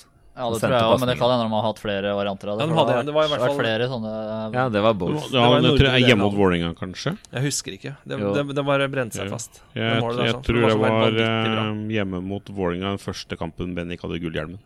Jeg må ta topp fire, for jeg må dra med første, første håndleddskuddet til Hickman mot Brisk Asker. Han klinte den i krysset der. Da skvatt jeg litt. Ja, det ble, det ble sjokkert, altså. De sto bak mål, skulle Ja, Jeg skulle prøve å ta bilde her, jeg. Lykke til, da. Da burde du hatt sånn der som vi hadde i NHL, sånne, der, sånne der striper som fulgte etter pucken. Ja, ja, ja. det skal. Nei, det var mine. De, de fire der kommer jeg til å huske lenge. Vi tar ikke noen eh, nedturer den, eh, den eh, Vi skal ende på en sånn der good note her. Sånn at vi bare Det vi husker de, de beste tingene fra sesongen. Boje? Jeg syns ikke det er så lett å finne så mange positive ting, ja, da, men Hockey Classic er det naturlige, det naturlige høydepunktet, selvfølgelig. Det var en deilig seier, selvfølgelig. Det var jo det eneste derby vi vant i år. Og den kampen var vi jo klart best i òg. Sjøl om jeg føler jeg har vært best i flere Det var jo den eneste kampen vi har slått Storhamar i år. Men vi har vært på høyde med dem i mange av de andre kampene òg. Men av ulike årsaker så har vi ikke blitt noe Med ræva dommere. seier i de kampene der. Jeg skulle ikke være negativ. Unnskyld. Uh, vet ikke, den der kampen borte i Forum òg, mot uh, Vålerenga, trekker jeg eller kanskje trekker litt fram. Når vi lå under 3-0 etter første perioden der, og Vinner 7-3. Vinn- Ja, 7-5 var det vel til slutt. Ble det til slutt? Ja, de leia, og de slapp inn et par på slutten her, ja. Ja, men det, det er jo også at det var jo en periode hvor Vålerenga ikke slapp inn mål og ikke uh, tapte hjemme i det hele tatt. Mm. Så det da, Det var jo den perioden da Lillehammer var litt Var litt i dytten. Ja. Hvis jeg skal trekke fra noe mer, så Blir det vanskelig? Eh, det, det, er lett, det, er lett, det, er lett, det er lettere å trekke fram et par ting som er veldig Som var skikkelig nedtur. Men den En tror jeg årets- skal, er én nedtur, da. En årets Pål. Jeg var jo heldigvis ikke her, da, men den eh, returen til uh, Til Vincera Moli her i Stavanger-kampen. Det så jeg på Sumo, og det var Og da lå jeg nede i Berlin og var så klein, Og det så var, skrudde jeg av. Det husker jeg jo alle som har vært innom her i poden og prata om at hvor fyra opp de skulle vært i den kampen her, og så var det jo helt bånn i bøtta, og Vigera Moli hadde jo show her mens, mens de ble bøa ut. Det var egentlig ganske De hadde- pinlig å se på. De hadde jo fått uh, sånn uh, luktesalt uh, inn nesa via Twitter, sånn at det var jo Ja, det bra var, levert eh, der. Det var et par stykker der som fyra bra opp på Twitter der. Det er, det er litt deilig at det er litt annen temperatur, da. Og så faktisk da gidder å svare sjøl på Twitter og liksom bli litt mer Bli med på det. Det er moro. Ja, hvis jeg liksom skal se åssen jeg ser tilbake på sesongen, så er det liksom de positive tingene der, og så vil jeg huske det tilbake på alle de derre bortkastede ledelsene som har irritert meg noe sinnssykt sånn i, sånn etterkant. etterkant. Bare for å slutte på en sånn positiv note. Ja, Klarer ikke å være på Arild. jeg klarer ikke å være positiv. Nei, det, det blir jo å dra Hockey Classic igjen. Og da er det jo Cangelosi på en måte som det, det, Ja, jeg har jo et bilde av det. Og det, det bildet altså seiler foran der med folk som går helt bananas. Det er på en måte Det er høydepunkter, da. Men et annet høydepunkt er jo Det er jo så mange, mange bra høydepunkter. Men eh, disse to kampene hjemme mot Sparta, som vel endte 4-0 begge to Det var to skikkelig gode hockeykamper hvor Lillehammer var fysisk til stede, skåra mål, tetta en bakover. Det var liksom veldig solide kamper. At de, basert på de kampene der, at det her kan faktisk nå langt til sluttspillet. Så er det enig at den 5-7 borte mot Vålerenga, det var et sterk snuoperasjon. Men da var det en som kommenterte på Facebook etterpå Det her lukter det NM-gull av. Så tenkte jeg at 5-7 det, Er det én ting det ikke lukter, så er det NM-gull av 5-7. Det- Forsvar vinner kamper, altså. Det er eh, men en annen, en annen høydepunkt for meg har jo vært litt eh, noen sånne eh, Instagram-bilder fra tribunesliterne. Der må jeg få trekke fram, trekke fram et par stykker. Den ene videoen Espen, fra Hockey Classic var jo en, en slager, men det bildet fra Flåklypa og Sondre Bjerke og Karlstrøm Ja, jeg knekker sammen hver gang jeg åpner og ser det. Knekker sammen. Og så må jeg bare få si at den feilparkeringa til en av spillerne vet du her Det var bare Det er humor, altså. Det er humor. Det, Det var ikke alle som tok det som det humor. Ikke alle som tok den, og det er smekk på fingeren til den som ikke tok den. Fy Det skamme seg. var hele A-laget. Ja, ja, men det er bare sånn Herregud, humor. Såpass humor må vi ha. da ha. ble det Altså. litt uh... Jo, men Det ble litt Nei, Det ble stemning, da. Ja, ja, det ble stemning iallfall. Det ble god. det var som, det var som å ta en pinn og så stappe den inn i maurtue, liksom. Deilig, altså. Litt sånn må det være rom for, men det er, det er flåklypa-bildet. Eh, Jeg kan ikke åpne den nå, for da begynner jeg, jeg jeg begynner å le med en gang. Men det er, det er spot on. Ja, da var den kampen var Bjerke fryktelig bra, da. Ja. Nei, I dag men, var det mye bra sånn. Eh, Min uh, Jeg var jo ikke her på Hockey Classic, det har vi snakka om i revyer Hvor var, men, hvor var eh, du hen da? Jeg var i Krakow, men jeg elsker å være i Krakow, så det var egentlig veldig, det var veldig spesielt å sitte og Det var jo veldig spesielt å sitte nede i Krakow og se på Hockey Classic og bare klikke helt fullstendig nede i leiligheten der. Det var sikkert mange som lurte på hva som skjedde inni den bygården jeg satt i da. Så det er jo selvfølgelig den ene. Og den andre eh, Da var jeg Det var også en av de kampene jeg ikke var til stede. Det var den eh, hjemmekampen eh, mot Frisk. Jeg husker ikke hva resultatet var. det 6-4 det ble? Eh, Den kampen hvor eh, Jakob Lundell Norskar har fire mål. Eh, Ja. Da var jeg på kurs i Bergen og gikk rundt, det regna katter og bikkjer, og så gikk jeg rundt og så på i gaten der på telefonen min, og det syns jeg var Det var helt rått, faktisk. så det var en annen god opplevelse, uh, syns jeg. Uh, ja, og der var det tomt. Nå er det Nå gleder vi oss til kube og stoler og sommerferie. Ja, det, Sommer, plutselig er sesongen her igjen, da. Plutselig er Ja, jeg gleder igjen. meg til eh, første istrening. Ja. Ja, det blir bra, det. Det er alltid gøy å se. Det, jeg syns det er kult med silly i snø. da. Litt rykter. Hvem kommer inn som trener? Hvilke løper får vi inn? Inn på Elite Prospects. Se på mulige spillere, hele pakka. Og så blir jævlig skeptisk når Lillehammer signer en fyr du ikke har Bare hva faen er det her for noe? og så bare Oi, han var bra allikevel. Men uh, jeg, Nei, jeg gleder meg. Det er mye, mye å følge med på utover. Men det blir ikke noen podkaster, for det er ikke så mye å følge med på. Hvor mange, Hvem er det som skal hjem nå og google på unge svenske framadstormende trenere? Ja, Uten det kontrakt? blir noe av det. Det, det hørtes ikke ut som Kevin Hart selv. Det er en sånn dekkoperasjon. Ja. Er, han er alt annet. Han er ikke svensk, han er ikke ung, han er ikke fremadstormende. ja, Han er kar, da. er mann, da. Han er mann. Ja. Så hvis du finner en dame, en litt voksen dame som ikke er fremadstormende, så er, og ikke svensk, så er du der. Nei. Men eh, skal vi ta oss og runde av? Jeg tror vi runder av for får- både i dag og for sesongen. Ja. Ja, vi får bare si tusen takk til alle som har hørt på, da. Eh, Vi har eh, faktisk laga 25 episoder. Det var mer, er enn jeg, det var mer enn jeg hadde trodd. vi satt jo her eh, Vi satt jo her også Nå skal jeg ikke sitte og si at hele Norge sitter og hører på. Det er folk på hele Norge, men det er ikke sånn at det er liksom titusener av lyttere, da. Men uh, vi satt jo det og sa at hvis det etter ti episoder er 100 stykker som gidder å høre på, da er liv laga, sa vi. Og det er jo langt flere enn 100 som har hørt på, og det syns vi er veldig hyggelig. Vi har sikkert sagt mye dumt og sånn, men eh, Lagt ut mye det- dumme bilder. si, Mer, mer. si mye dumt og faktafeil og sånn, det kommer vi til å garantere at det fortsetter vi med neste sesong. Ja. Det er ikke noe tvil om. Så da er det bare takk for den sesongen her, er det ikke det? Jo, det er vel det. Så høres igjen til høsten. Igjen til to uker. Som igjen til to, tre, fire, fem måneder. Plutselig Ja. tilbake. Vi høres plutselig igjen. Nydelig. Vil ha et siste Nei, jeg vil si én siste ting. Nå er vi på overtida likevel. Det er Jeg må bare få sagt det. Hvor dritlei jeg er av å lese og høre følgende at Nei, nå har Kangelosi og Bennik og Bolls og Nå har de vært litt sånn usynlige i det siste. Og da kommer en og kommenterer. Har sikkert signert for en annen klubb. Akkurat det der, det er sånn Det er, det er så, det er så stusslig argument å komme med. Det er, for det første, det er ikke noe nytt at spillere signerer for nye klubber i et arbeidsforhold. De fleste har kontrakt som går ut eh, 1. april, så er de uten kontrakt. Eh, de har spilt en hel sesong, sesong sammen i en tett garderobe. De blir en stor kompisgjeng. Og det er ikke noe sånn at OK, Cangelosi signerer for en klubb i Tyskland. Og så har han kanskje ikke vært like god i sluttspill som han var tidligere i sesongen. Nei, han har huet på et annet sted, han. Han har signert til Tyskland, så nå gir han faen. Det er ikke sånn det fungerer. Det der greiene her, det er så dritlei av å høre med det. Og det er heller ikke sånn at eh, Bennik hadde ikke noen god avslutning på sesongen. Heller ikke noe stort sluttspill. Han har fortsatt ikke fått et eneste tilbud, verken fra Lillehammer eller fra noen andre klubber ennå. Det er heller ikke noen av de andre importene som var her. Så det er argumentet der sånn, det kan jeg bare drite og dra i. Var ikke det en fin måte å avslutte det her på? Jeg har en, eh, jeg har en siste ting jeg vil si.